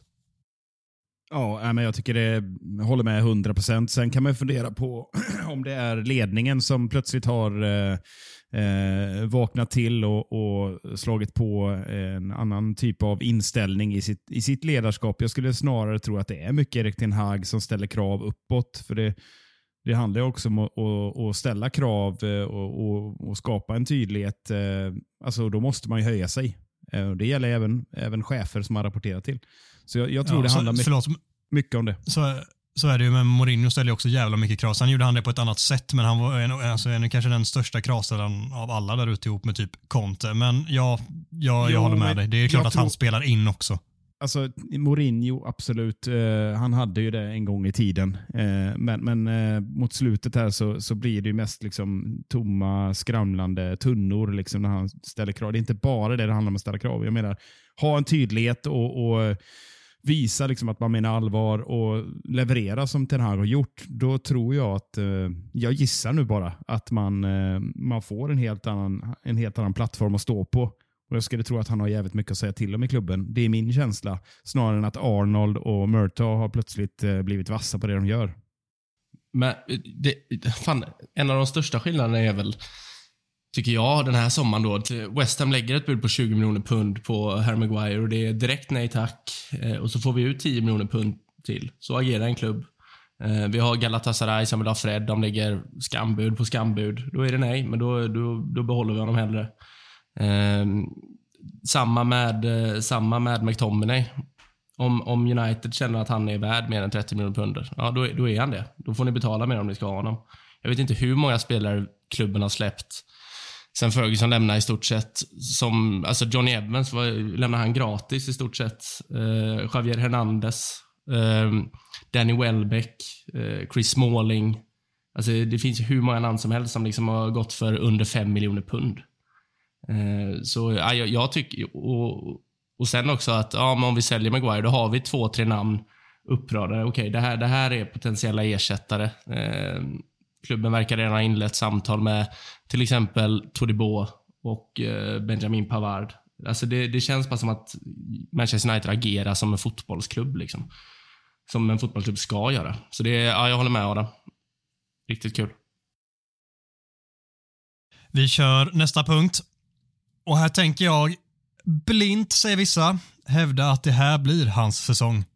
Vem undrar ni? Jadon fucking Sancho såklart. Det kanske tar några matcher, men som han kommer motbevisa er alla dö-tråkiga kritiker där ute. Ser ni inte vad som är på väg att hända? Som han kommer flyga den här säsongen. Jag tror inte ens att ni är redo. Okej, är det, ska vi köra kvitt eller dubbelt på lunchen nu Adam? Eller? Jag känner mig ganska mogen för det vadet. Jag vill ha en Rång, Rångedalsång. Kan ni inte köra någonting mellan, med en Rångedalsång grabbar? Nej, den får du köra uh, bett om. jo, men vi kan köra, en, eh, vi kan köra ett eh, tips här utan tvekan, Micke. Vad, vad ska vi köra om och vad vill du sätta linan, som man brukar säga i bettingspråk? Alina får du bestämma eftersom du har eh, spänt bågen något så in i helvete för Jadon Sancho här. För det kommer nästan inte spela någon roll vad du säger så kommer jag gå emot det. Så eh, fire away. Ja, men så här då. Eh, och när jag säger motbevis så betyder det inte att han måste göra miljoner poäng. Det vill jag slå jävligt klart. Men han kommer göra, han kommer göra, redan här. han kommer göra minst 15 poäng kommer han göra den här säsongen. Oj, och i alla, täv alla tävlingar. Ja. I- I Premier League eller alla tävlingar. Nej, fan så mycket. gör Så, nej, han kommer inte göra så mycket i ligan. Han kanske landar på en 10 i ligan och så gör han, eh, enligt mig, då, jag tror att han kanske, han kommer snudda på 10 alltså. Totalt extra där, så det blir nog kanske närmare 20. Men vi kan väl sätta li, linan lite högre då. Sätter den på 16,5 då, över eller under. Jag säger över. Ja, Sen säger jag under, för jag tror nämligen inte alls på Jadon Sancho. Jag, Han gör minst 17 poäng totalt, enligt mig. ja, det gör han inte. Så då har vi... Ja, men vi kör kvitt eller dubbelt på lunchen så blir det en riktig långlunch. En, Oj, snart en, Då kan vi... En lus. Ja, visst. Det blir jättebra. Men eh, Kvitt eller dubbelt på lunchen, med alkoholhaltig dryck till. Gammal fin lus. får, får jag bara får jag ställa, Man kan in här, in här och stötta mig. ja, får jag ställa en fråga till Micke här, eh, rakt riktad till Micke här. Vad får dig att sätta en eh, femma på Anthony eh, och sen säga att du tror inte alls på Jadon Sancho? Femma på Antoni är det för att jag tror mer på Antoni. Ja, men vad, vad är det som gör det liksom? Eh, jag tycker ju Anton är mycket mer tydlig i sitt spel. Jag tycker han är, eh, har mycket större utveckling av det jag har sett. Så, så är, är han han faller inte ur matchen. Han är ändå med och skapar chanser och han gör sitt jobb defensivt. Jag tycker Jadon Sancho är skyhög i, sin, eh, i sina stunder. Ja, det, vi vet ju alla vad han kan göra. Men han försvinner ur matcherna och han bidrar inte lika mycket defensivt. Ja, han är oklar spelare för mig. Han är otydlig. Eh, och Nu testas han på en ny position här eh, i brist på, i väntan på en på Höjlund då, som ska komma in. Eh, jag tycker också det är ett litet svaghetstecken. Han har inte ens sin position i laget, för den har Anthony och Garnacho har den andra kanten. Och Rashford och ja, alltså jag, sorry, men jag tror inte alls på honom. Sen om man gör eh, 7 plus 2, fine. Men eh, jag tror inte han ens, ens han gör det. Nej, jag, jag tycker bara det är spännande att fråga, för jag, jag ser ju dem... Exakt så du beskriver Sancho, så, så ser jag Anthony som, eh, som fotbollsspelare. Jag, jag tycker att han har tycker att han har sina toppar där, att han, där han liksom får svåra saker att se väldigt lätta ut, eh, gör sin gubbe, använder sin fart, eh, söker skottet på vänsterfoten. Eh, men sen, jag, jag tror aldrig jag Jo, jag ska försöka inte överdriva för jag har fan lätt till överdrift. Men jag, jag har sällan sett en eh, spelare på den här nivån vara så, så svajande i sina aktioner. Alltså jag, jag blir galen tre, fyra gånger per match på Anthony av att han saktar ner vårt anfallsspel så sjukt mycket. Eh, vi såg det mot Lans nu i helgen här, första 45. Jag vet inte vad, jag vet inte vad han gör. Liksom. Han, har, han har inte en bra aktion på 45 minuter. Varje gång han får bollen så ska han leta en hemåtpass till, till Dalot eller till, eh, till Varan. Och sen i andra halvlek så, så ser han ut som en helt annan fotbollsspelare. Då gör han allting självklart. Då går det fort. Eh, assisten till Rashford är ju högsta klass. Eh, avslutet är eh, väldigt bra. Och hans... Mottag och avslut i ett. Typ. Ja. Helt otroligt. Hans, hans spel överlag är liksom, det, det, ser, det ser nästan felfritt ut. Eh, så jag, jag är så svårt att beskriva honom som fotbollsspelare, för han är liksom ingen fartfylld ytter hela tiden. Men när han vill det så är han det. Eh, och där tycker jag hans brist är, jag tycker att hans smartness är för liten för ofta. Och där tycker jag att Sancho har edgen. Jag tycker Sancho har Dels han kre- kreativiteten, han gör andra spelare bättre runt om sig. Den egenskapen ser jag inte hos Anthony. Eh, höjden Sancho har är högre än den jag ser i Anthony. Och slutprodukten Sancho har eh, är bättre än Anthony. Så tycker Vilken jag. position ska eh, Jadon Sancho spela på? Och det, det är ju också en styrka. Där, där tycker jag ju Anthony också är svag. Han kan bara gå inåt. Eh, Men vilken position ska Sa- ge? Nu pratar vi om San- Sancho. Sancho, Sancho kan du pilla in till vänster, du kan pilla han i mitten och du kan spela han till höger. Han kommer Vem alltid... pet- Han, kommer alltid... Ska, Vem han, vem, eh, jag tycker det är rätt självklart utifrån mitt utlägg. Jag tycker att han petar Antoni rakt av ganska enkelt. Där är det jag. tror inte jag kommer hända. Det, inte, Nej, men det, det, det sett. är enligt, enligt mig som spelare. Och sen, sen med Sancho så får du ett mer, rör, alltså du får ett mer rörligt anfall. Det, du kan skifta position. Bruno kan sväva ut till höger, Sancho i mitten. Sen nästa anfall så är Sancho ute till vänster och Rashford i mitten. Jag, jag, jag ser bara en större höjd och alltså, även om Sancho inte har fått ut det i United så har han en bättre slutprodukt. Jag tror att de, trots att Sancho missade tre, fyra månader förra året så landar de på nästan samma poäng. Jag tror Sancho är 7 plus 3 och Antoni är 8 plus 3. Eh, och då spelar Antoni bra mycket mer matcher. Vill gärna höra Gustavs kommentar kring det här. Få lite medhåll här kanske. Eh, nej men jag, jag tycker att ni, ni summerar det ganska bra själva. Att det är, han gör alltså 7 plus 3 förra året och du säger att han ska ha något jättestort genombrott här i år. Då ska han göra 6, alltså 6,4 poäng mer. Jag tycker att det är liksom det är ett, det är ett snällt bett du går med på Micke där. Eh, jag, jag, är, jag tror att Sancho kommer passa bättre i den här miljön. Eh, återigen kommer tillbaka till att vi får en, eh, får en ordentlig nia. Förhoppningsvis då, då om eh, vi inte har massa skadeproblem eller rygg, ryggproblem här. Men jag tror att det kommer passa honom bättre. Men jag är extremt, alltså jag har inte sett, jag har inte sett potentialen i Manchester United på det sättet jag hade hoppats på. Så jag är, jag är väldigt, väldigt skeptisk på om han verkligen kommer ha det genombrottet. Men även där, som i Rashford, så hoppas jag att jag har fel. Eh, och att du har rätt, Adam. Punkt nummer fyra. Vi går över till ett lag som tydligen har någon intressant rebuild på gång. Jag tror ni fattar direkt vilket lag jag är inne och nosar på. Liverpool, de kommer absolut att göra sina mål. De kommer absolut vinna sina matcher. Men sättet som många verkar ändå tro på dem, att de ska, ja de sprang i Champions League fokusera på, nu ser de riktigt intressanta ut, de kommer upp snarare och hugga liksom på Arsenal, Liverpool eller Arsenal City eh, där och gå förbi United. Alltså nej, om det är det man tror, vilket många verkar göra, så kommer de floppa ordentligt i år. Som bäst slutar de fyra enligt mig. Men det förvånar mig fan inte om det blir sämre än så. Ja, det, jag, kan inte säga, jag, skulle kunna säga det bättre själv, för jag tycker nämligen exakt samma sak. Och man älskar ändå den här hybrisen. ah, det är en liten, en liten tillfällig renovering. Då bara. Nu trycker vi på auto. Det är därför jag högg lite när du, när du nämnde de här spelarna som skulle göra 25 mål allihopa, Mackan. Eh, Det är inte bara att trycka på en knapp. Darwin Nunes tror jag absolut kommer vara bättre. Jag tycker han var bra förra året, eh, fast han inte gjorde så mycket mål. Men, men eh, jag väntar med spänning och ser hur han ska få ihop det där mittfältet. Trent Alexander-Arnold har jag själv förespråkat att han ska spela på mitten för, just för att han är så svag defensivt. Men han och eh, McAllister och, och vad fan är det mer de har kvar ens? Soboslaj typ.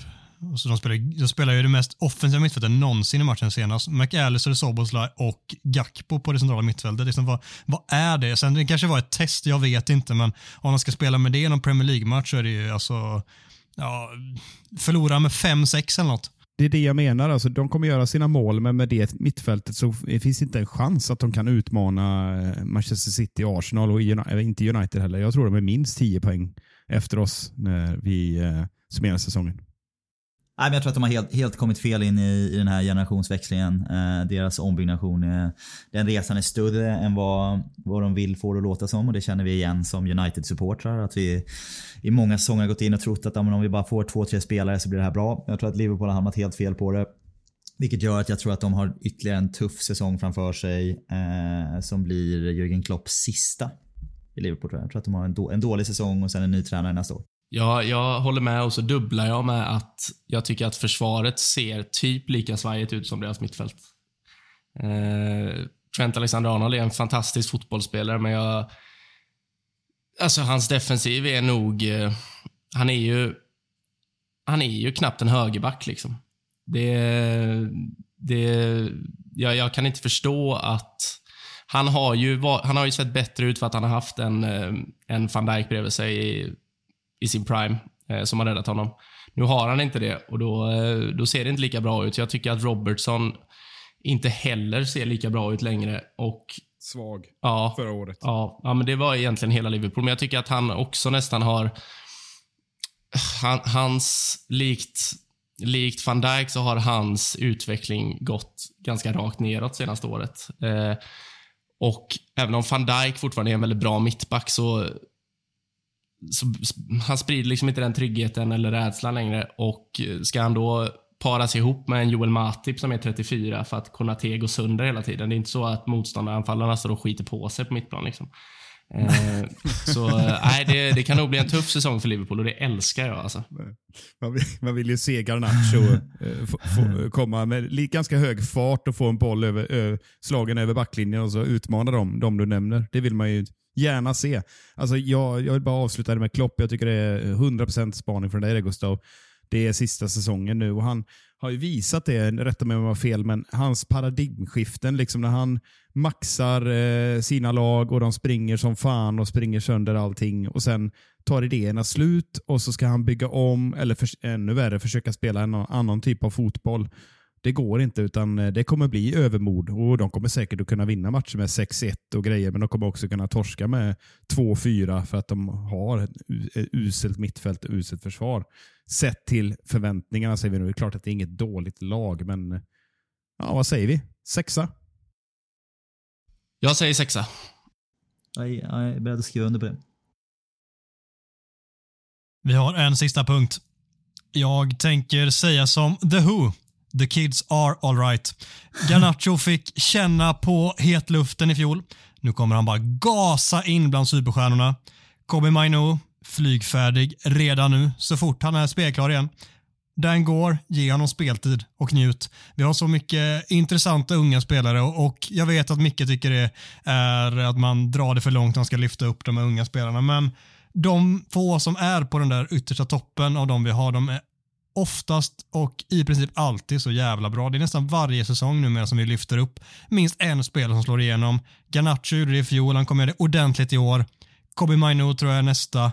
Inte alls otänkbart att eh, Dan Gore kan eh, följa därefter eller någon annan.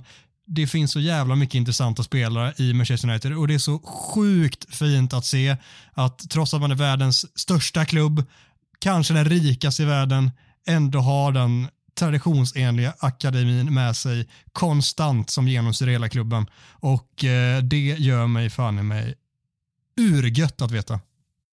Ja, det är bara att skriva under på. Det är ju, jag kommer toucha lite på det här snart också, men jag tycker att det är... Här, man är stolt som United-fan. Det här är vad jag tycker är vårt absolut starkaste DNA. Att vi har liksom kommit tillbaka till det här och fostrar fram riktigt, riktigt bra talanger igen som vi verkligen liksom slussar in i, i A-truppen. Det är nog det som jag är... Skulle sätta det som nummer ett. Det är det jag är mest exalterad över på vad vi gör på den här resan just nu. Så det, ja, jag kan bara skriva under helt och hållet.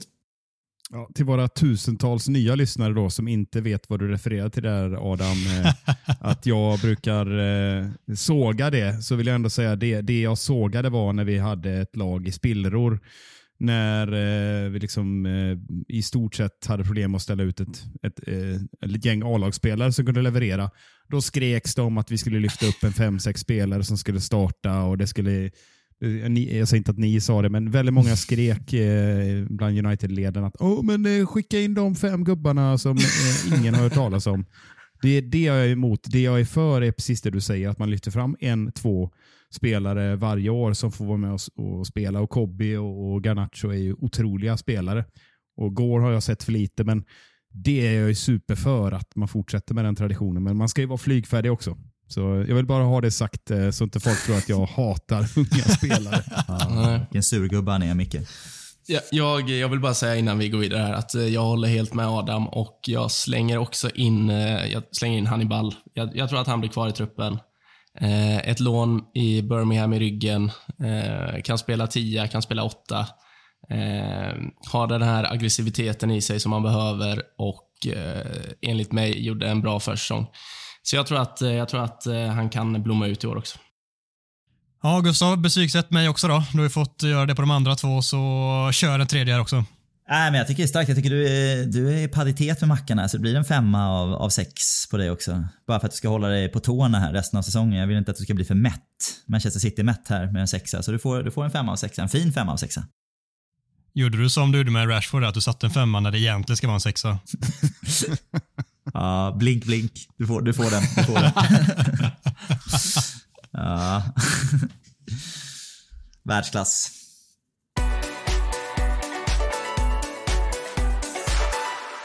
Vi går vidare och avslutar med Gustav Kulles spaningar, a.k.a. Kulles facit för säsongen 2023-24. Mm, ja, men det här är som sagt det här är ett återkommande segment. Vi gjorde det här förra året också. För er som inte har tid att, se säsongen som kommer framöver så tänker jag bara att jag gör Jag ger en liten snabb summering av vad som kommer hända här. Eh, så, att ni, så, behöver ni, så kan ni välja om ni vill titta på det här eller inte och vet vilka bitar av säsongen ni ska zooma in på också sen. Då, liksom, för att ni, det kommer ni få veta här. Så jag har 12 stycken punkter jag ska gå igenom lite snabbt. Eh, och vi börjar med, precis som förra året, med säsongens match. Eh, förra året var jag ju väldigt rätt på det där när jag plockade ut Real Betis i Europa League. Jag, var väl, jag sa väl kvartsfinal, det var semifinal, så jag var, lite, jag var lite fel ute på vart vi, vart vi var någonstans. Men det är ju, så det här, är, här känner jag att jag har mandat att prata. Eh, och även i år så har jag valt eh, två matcher. Eh, det är eh, ligacupen semifinal. Nej, det, det är... Eh, vi, har, vi har dubbelmöte mot Manchester City här i Premier League eh, mot ett ganska mätt och svårmotiverat Manchester City som nu har vunnit allting. Eh, som inte riktigt har förstärkt sin trupp. Så jag tror att även om det kommer att vara försnack här om Battle of the Vikings mellan Haaland, eller Haaland och, och Höjlund, eller Höjlund, eh, vår nya striker. Så eh, vi, vi kommer vinna två två matcher mot City i år. Eh, en på hemmaplan här i slutet av oktober och en på bortaplan i mars. Och det kommer vara vår stora höjdpunkt. Det blir inte niornas kamp utan det är Casemiro och Garnacho som kommer dominera här när vi tar sex poäng. Kom ihåg vart ni hörde det först. Åh, oh, vilket drömscenario. Ska vi boka upp eh, resan där direkt i oktober? vi kan ta det. Favorit i repris. Favorit i repris. Så där har vi säsongens match. Är säsongens matcher. Eh, vi går vidare till säsongens målkung. Eh, förstås ingen lågoddsare att den första nian vi köper som är under 30 år, sen Anthony Martial, blir vår skyttekung i år. Nu vet jag att det har varit lite oroväckande snack här om en potentiell ryggskada som gör att han inte ska kunna spela fullt eller inte kunna spela mer än en match i veckan etc.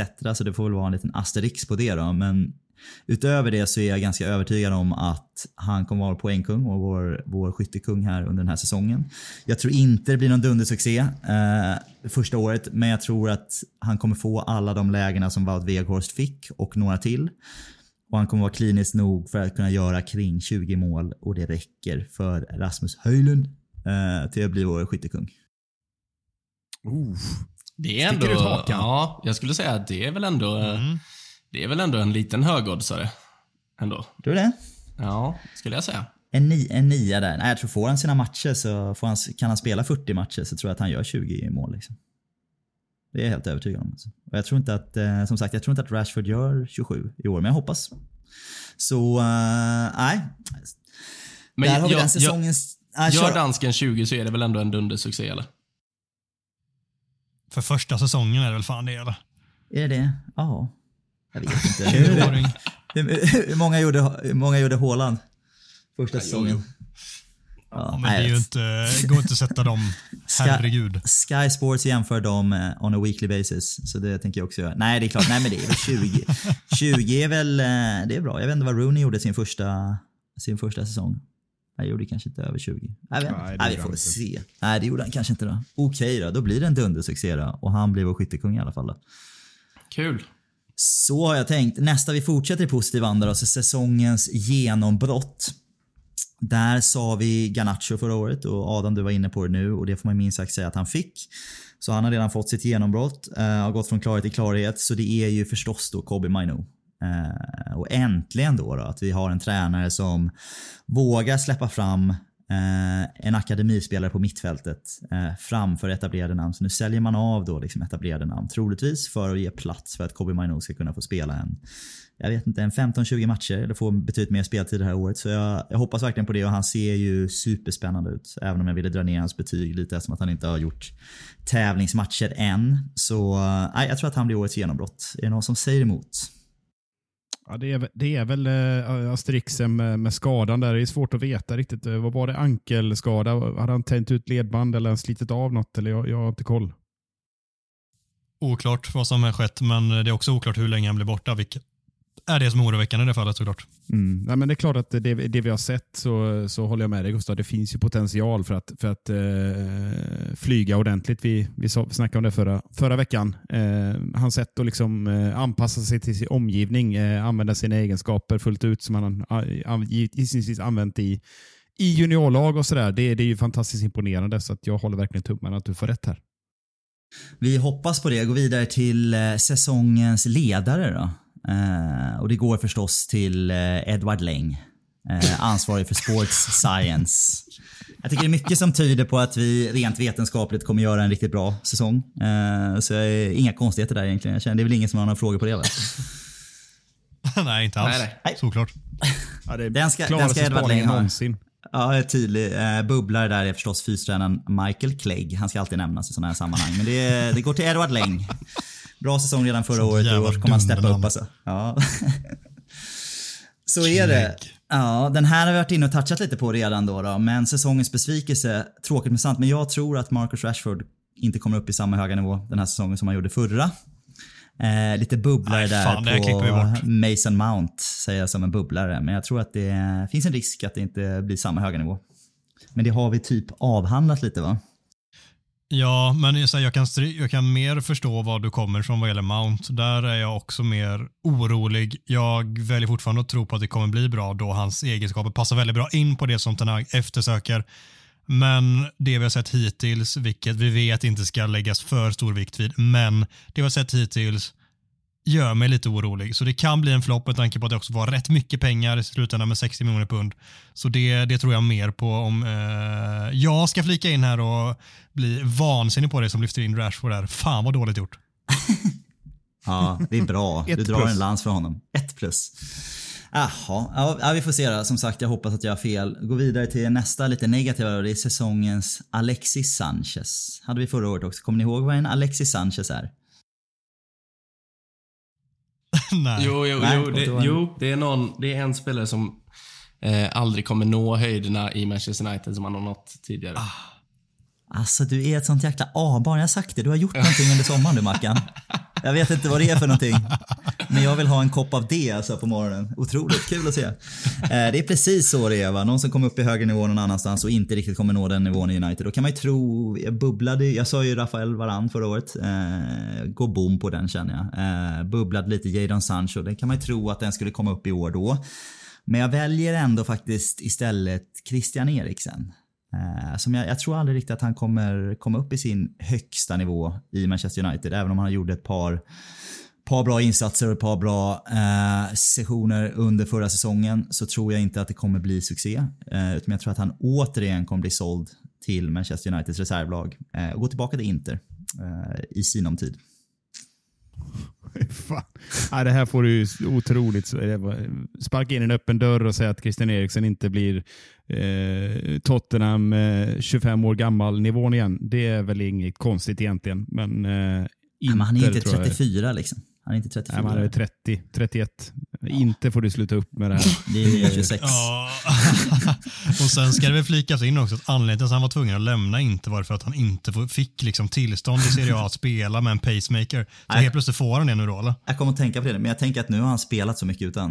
Eh, det verkar ju gå bra nu, så nu får han säkert komma tillbaka till Italien. De är så otroligt inkonsekventa i sina regelverk i Italien, så jag är helt övertygad om att han är välkommen tillbaka. Det tror jag verkligen. bara, nu ligger de trea, tre timmar senare här ligger de 27 Nej, Två timmar senare, två igen. Ja, otroligt. Otroligt. Italienarna, ja. Älskar och hatar dem. Ja, en bubblare här är också, det är Mason Mount även här tror jag. Eh, jag tyckte aldrig att han var mega bra i Chelsea heller i och för sig, men jag, är, ja, jag har en liten, liten skepsis där på om det där kommer bli, bli jättebra eller inte. En något tvålfagrare Scott McTominay. Men eh, inte mycket mer än så. Jag tycker ni är hårda nu. Jag, jag, fan ingen annan står upp för Mason Mount. Jag gör fan det det han kommer kanske inte göra total succé i år, men det, det, han är ju värvad för att bära det där mittfältet och offensiven under många år framöver. Jag är inte lika orolig och gör han en halvdan säsong så finns det ganska god täckning bakom. Jag, jag tror på dig Mason. Ja, det är bra. Det är bra. Positivitet, det tar vi. Då går vi in i lite positivare eh, rubriker här istället. Alltså säsongens comeback. Säsongens comeback. Det är förstås Johnny Evans. Va? Begränsad speltid. eh, Men kommer knappt sätta en fot fel alltså under de 15-20 starter han får. Och belönas med en kontraktsförlängring inför nästa säsong. Så det blir, blir två säsonger här minst för Johnny Evans. Det här kommer du ha fel på om en vecka liksom. Nej. Jag har också lovat att jag ska köpa en Johnny Evans tröja om han, om han signar här nu. Det var länge sedan jag köpte en, en, en namntröja men Johnny Evans förtjänar en alltså om han kommer tillbaka. Ja. Det förtjänar du. Och det förtjänar jag. Så därför går vi in i nästa kategori som heter just säsongens Johnny Evans. Så jag tycker att vi håller det temat. Eh, och det innebär alltså en spelare som vi absolut inte skulle ha sålt. Eh, så som vi gjorde med Johnny Evans i första svängen. Eh, då tänker jag på Fred. Eh, vi kommer sakna honom eh, som spelar i samtliga våra såna här vilda västern-matcher som vi kommer ha. Eh, där vill man ha en Fred. Eh, och som karaktär. Eh, och så kommer han säljas alldeles för billigt till typ Besiktas för 7 miljoner pund eller någonting. Och så kommer man känna att så här, det där är en spelare vi saknar. Så det, är- det är säsongens Johnny Evans, Fred. Jättebra. Fan vad jag kommer, jag kommer bli så ledsen när han lämnar. Fred med håret. Som springer runt yr tillsammans med Wan-Bissaka på orienteringslektioner och allt vi pratar om. Det är, fan vad jag kommer sakna honom alltså. Han är så fin. Freds Ta högerfot bussen också. åt fel håll. Freds Jag kanske inte var han, men det känns som han. Ta bussen åt fel och det var Fred va, tror jag. Det känns så. Men det Jag kommer också är... sakna, sakna, förlåt, jag kommer också sakna att eh, mitt favoritkonto, eh, MUFC, vad fan heter de? Alternative MUFC, de är så jävla sköna, kör sina videos. Nu kan inte de säga The Pastor eh, fires it on row C. Kan inte de säga mer. Det, den, den sägningen eh, hatar man inte och så slänger de på någon god musik. Amen, eller vad de brukar köra. Det är så jävla underbart. Ja, ingen gillar Alternative MUFC som Micke gillar Alternative MUFC alltså. Så ja. jävla bra. Nej. Där är du en fanboy Största alltså. supporten. Ja. Är stort. Så Fred kommer vi sakna mest den här säsongen och känna att det var ett misstag att sälja honom. Eh, Vi går ner till nästa kategori som är säsongens Piers Morgan-intervju. Säsongens Piers Morgan-intervju. Eh, förra säsongen var det förstås Cristiano Ronaldo eh, och många är de, de kontroversiella figurerna med bristande omdömen som låtit en skandalomsusande Piers Morgan bli megafonen mot omvärlden. Eh, och då MUTV inte kommer vilja ta i det här ämnet med tång så står det mellan The Sun eller Piers Morgan eh, när den nyblivna pappan Mason Greenwood exklusivt i en intervju tillsammans med sin sambo och mamma till sitt barn ska reda ut begreppen från sina brottsanklagelser från 2021. Så jag tror att det blir, det blir en Piers Morgan-intervju. Eh, och som jag sagt tidigare, vi pratade om det här, jag tror att Mason Greenwood spelar professionell fotboll igen eh, kommande säsong. Eh, inte nödvändigtvis i United, men jag tror att han kommer göra fler insatser i United. Och jag vet att det är mörkt, men så eh, det tror jag. Det beror på vad han säger i den där intervjun då. Eh, det var ett tvek, tvek om han kommer gå på som Ronaldo gjorde och total såga United där. Det hade varit kul om han hade gjort det.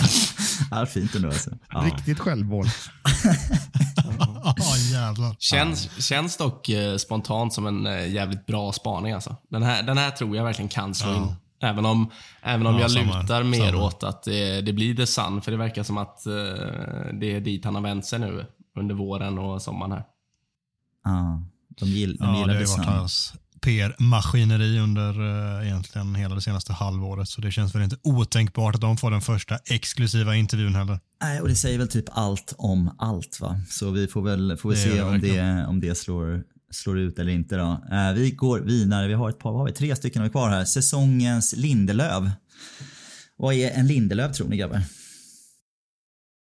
Oh, jo, någon som gör en typ trea plus eh, höst och sen så under våren bara exploderar och är kanonbra. Fan, du plockar den ändå alltså. Det var, det var starkt Yes. faktiskt. Jag trodde inte du skulle gräva fram den. Men det är väl lite så här så finns det två till. Det. Du, var inte snäll mot dig själv när det är D-barn. Eh, så här va. I... Ska vi inte hålla på och flirta upp det till ett C. Eh, I boxningstermer så är det väl så att han känns som han var nere på räkning på nio va. Eh, och det var ingen snack om saken att Lindelöf gjorde sin sista säsong och han skulle gå till lägre nivåer etc. Men då helt plötsligt bara slog han till. 10-15 riktiga starka matcher och belönas med en kontraktsförlängning. Vem har det här ödet i vår trupp i år? Fråga mig inte hur, men på något jävla sätt så ska Anthony Martial vara skadefri här i 15 matcher i rad och skriva på, skriva på ett treårskontrakt. Ja, den, ja, Aldrig får, sett Mackan le så brett. får du igenom den, då jävlar. Ja, då, då, ingen är gladare än mig om det händer alltså. Och det, det känns väl... Det, för mig står det mellan Martial och McTominay om han blir kvar. Alltså, tänk, tänk dig bara, vi hittar bara på nu att han får vara skadefri och liksom, eh, som du säger, gör typ 15 mål under våren. Men då utmanar vi ju typ, då är vi ju långt framme i allt i så fall, om det händer. Mm. Han, är, han är ganska ung också fortfarande. får man inte glömma. Fyller Det är han 28, faktiskt. fyller 28 i december, så han har många fina år framöver. Eh, Där ja, har men vi ett det- treårskontrakt. Det hade jag verkligen stöttat, att eh, Anthony Martial blir årets Victor Lindelöf. Det hade varit fint. Vi får se. Sen har vi säsongens Åfan. Eh, hade vi även förra året. Förra säsongens Åfan var en spaning på att Mason Greenwood skulle vara tillbaka och göra lite strut för oss redan under våren. Det blev ju, han var ju där och nosade lite men blev aldrig riktigt så. Så den här säsongens Åfan kommer vara att efter att ha fått ett sjunde, det här är vårt sista bud, take it or leave it. Och trots att de får ett bud på den nivå som de begärt så vägrar Glazers att sälja och kommer istället hamna i en utdragen rättstvist efter att ha stämts av Qatar. Så det kommer bli nästa kapitel i vår ägarhistoria. alltså. 100% enig. 100%. Ja. Ja, Så kommer det är bli. Ja. Så kommer det bli. Och det, Eh. ja. Ja, vi ska inte fastna i det, men det känns typ gött i så fall om det blir så. Så Ja. eh, skitbra. Rättstvisten Glazers vs Qatar ser vi fram emot att följa här i en följetong i många år framöver. Eh, Så kommer det bli. Då blir det den sista då. Det här är vår, en av våra favoriter. Det är säsongens ramsa. Eh, här var vi inne på Yes. att det skulle bli Ten Hag förra året. Eh, blev väl inte riktigt det. Jag vet inte om vi tyckte att det var Viva Garnacho kanske som vi hamnade på istället. I år är det förstås, det finns så många att välja på här, men det är ju så när man signar sin andra kamran här i historien. Eh, efter Jamba Jamba. Att det är ju, vilken talangfabrik de har förresten där med att ta fram trallvänliga efternamn. Man måste säga det är ju otroligt. Det är som att de liksom har, har stöpt dem fram för att det ska bli bra, bra ramsor. Alltså jag, har, jag har en teori här att man har signat en målvakt Främst för att man vill ha uppspel med fötterna, eh, men även straffområdets närvaro, men framförallt också för att man vill ha hejarams kompabilitet. Alltså. Och det får man ju här alltså, med André Onana. Alltså. Det känns som att han är liksom döpt efter textrader från hälften av Per Gessles låtar. Alltså. Det är liksom, det är, det är otroligt alltså. Så det är ju, vi har provat liksom, det finns ju hur många olika ramsor på det här som helst. Men jag tänkte att det jag tänkte vi kör en originalramsa här. Jag vet inte om det, det är kanske är någon som varit ute med den här men jag, jag, när jag tänker Onana så tänker jag den här Andy Cole-ramsan vi körde förut. Så jag tänkte vi skulle köra lite, lite allsång här för första gången. Över Skype, hela, hela poddgruppen. Så det är Wow. nya, den här succéramsan nästa år och det är här den börjar. Den kommer alltså gå så här. Onana-na-na-na-na-na-na-na. André Onana, Onana, André Onana. Kör! Na, na, na. Onana-na-na-na-na-na-na. André Onana. André Onana, Onana. Onana, André Onana. Vad, bra synkat ändå. Kan Det vi klippa där, ihop det? det verkligen. där klipper, Nej, det kommer aldrig klipper, gå. det Men där klipper Adam vi ihop. eh, kör det ofiltrerat va? Ja, men det är bra. Så blir det när det laggar. Men det där kommer bli årets ramsa alltså. Det är en Onana-ramsa. Micke tycker det är jobbigt för han har ju försökt plugga in sin egna ramsa. Ja, gamla fina ooh la la la som man döper om till ooh na na na I love you baby. Fan vad bra. Alexia, hon är så bra alltså. Alexia. Aha. Vad hände med henne? Vad var hennes andra största sång? Ja. Finns Alexia? Ja. Ja, vi ska avsluta med ett betyg på eh, Gustavs Ja, eh, men tack för att du frågar. Tack för att du frågar. eh, Nej, men jag tycker att jag ger mig själv. Det är ändå en sexa av sexa. Det tycker jag faktiskt. Det funkar inte att du ger det. Så det, givetvis är det jag som ska sköta det, eller hur Adam? Jajamensan. Alltså du började ju jävligt bra eh, och sen eh, tappade du det lite i mitten där och sen var det någonting som var bra så att eh, slår man ihop det så är det, ja, du kommer upp på en, en och en halva ändå. Det ska du ha. Ah, ah, kriget fortsätter. Ja, så vi har eh, en, en och en halva, en tvåa och två stycken femmer. Det är väl eh, som det brukar vara i den här podden då. Så är det. Så är det. Fan vad gött. Vi måste avsluta, vilket jag inte har förberett er på ska sägas, men det är såklart viktigt och det hör till. Vi ska tippa säsongen, var United slutar och hur många titlar det blir. Och eh, Micke kastar in under bussen direkt. Kör. United slutar tvåa eh, efter eh, The Noisy Neighbor tyvärr och vi eh, tar hem FA-cupen. Gött. Vad säger Gustav? Ja, jag har fan kopierat rakt av faktiskt. Jag sa precis samma sak. Vi kommer vara nära i år att kunna vinna ligan. Vinna en FA-cup. Åker ut i en kvartsfinal eller semifinal i Champions League. Gör en bra Champions League-säsong också. Mackan? Mm. Eh, Men då säger jag att vi slutar trea eh, och vi vinner FA-cupen likt eh, vad de andra två har sagt. Eh, och så går vi till Champions League-final. Uff. Mm. Men inte vinner ändå. Tyvärr inte. Vilka förlorar vi mot, Macken? Bayern München. Bayern München. Mm. Harry Kane. Klass, det förlorar vi aldrig. Sheringham får ta vi in igen på korttidskontrakt. Ska han skarva lite. Och Solskär. Känns, eh, känns betryggande ändå. Plocka in dem där i så fall. Men eh, jag har sista ordet och det är såklart facit. Det blir en andra plats. Det blir en... Vi försvarar ligacup-titeln och sen så blir det en semifinal i eh, Champions League och vi kommer känna att det var en bra säsong. Vi tog kliv framåt och sen känner vi oss fullständigt redo för att eh, ta hand den här titeln i Premier League-säsongen efter det. Hur gött som helst. Är vi nöjda eller är vi asnöjda gubbar? Vi är asnöjda och så vinner vi med 4-0 mot Wolverhampton i premiären också. Har jag fått det sagt. Bra, viktigt.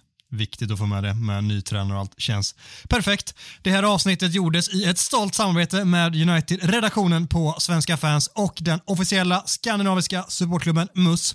Om du vill resa till Manchester, bli då medlem i supportklubben på mus.se och få tillgång till deras 500 säsongskort på Old Trafford. Med det sagt tackar vi för oss. Vi önskar er en superhelg och så jobbar vi in den där sköna 4-0-vinsten mot Wolves i premiären. Ta hand om er.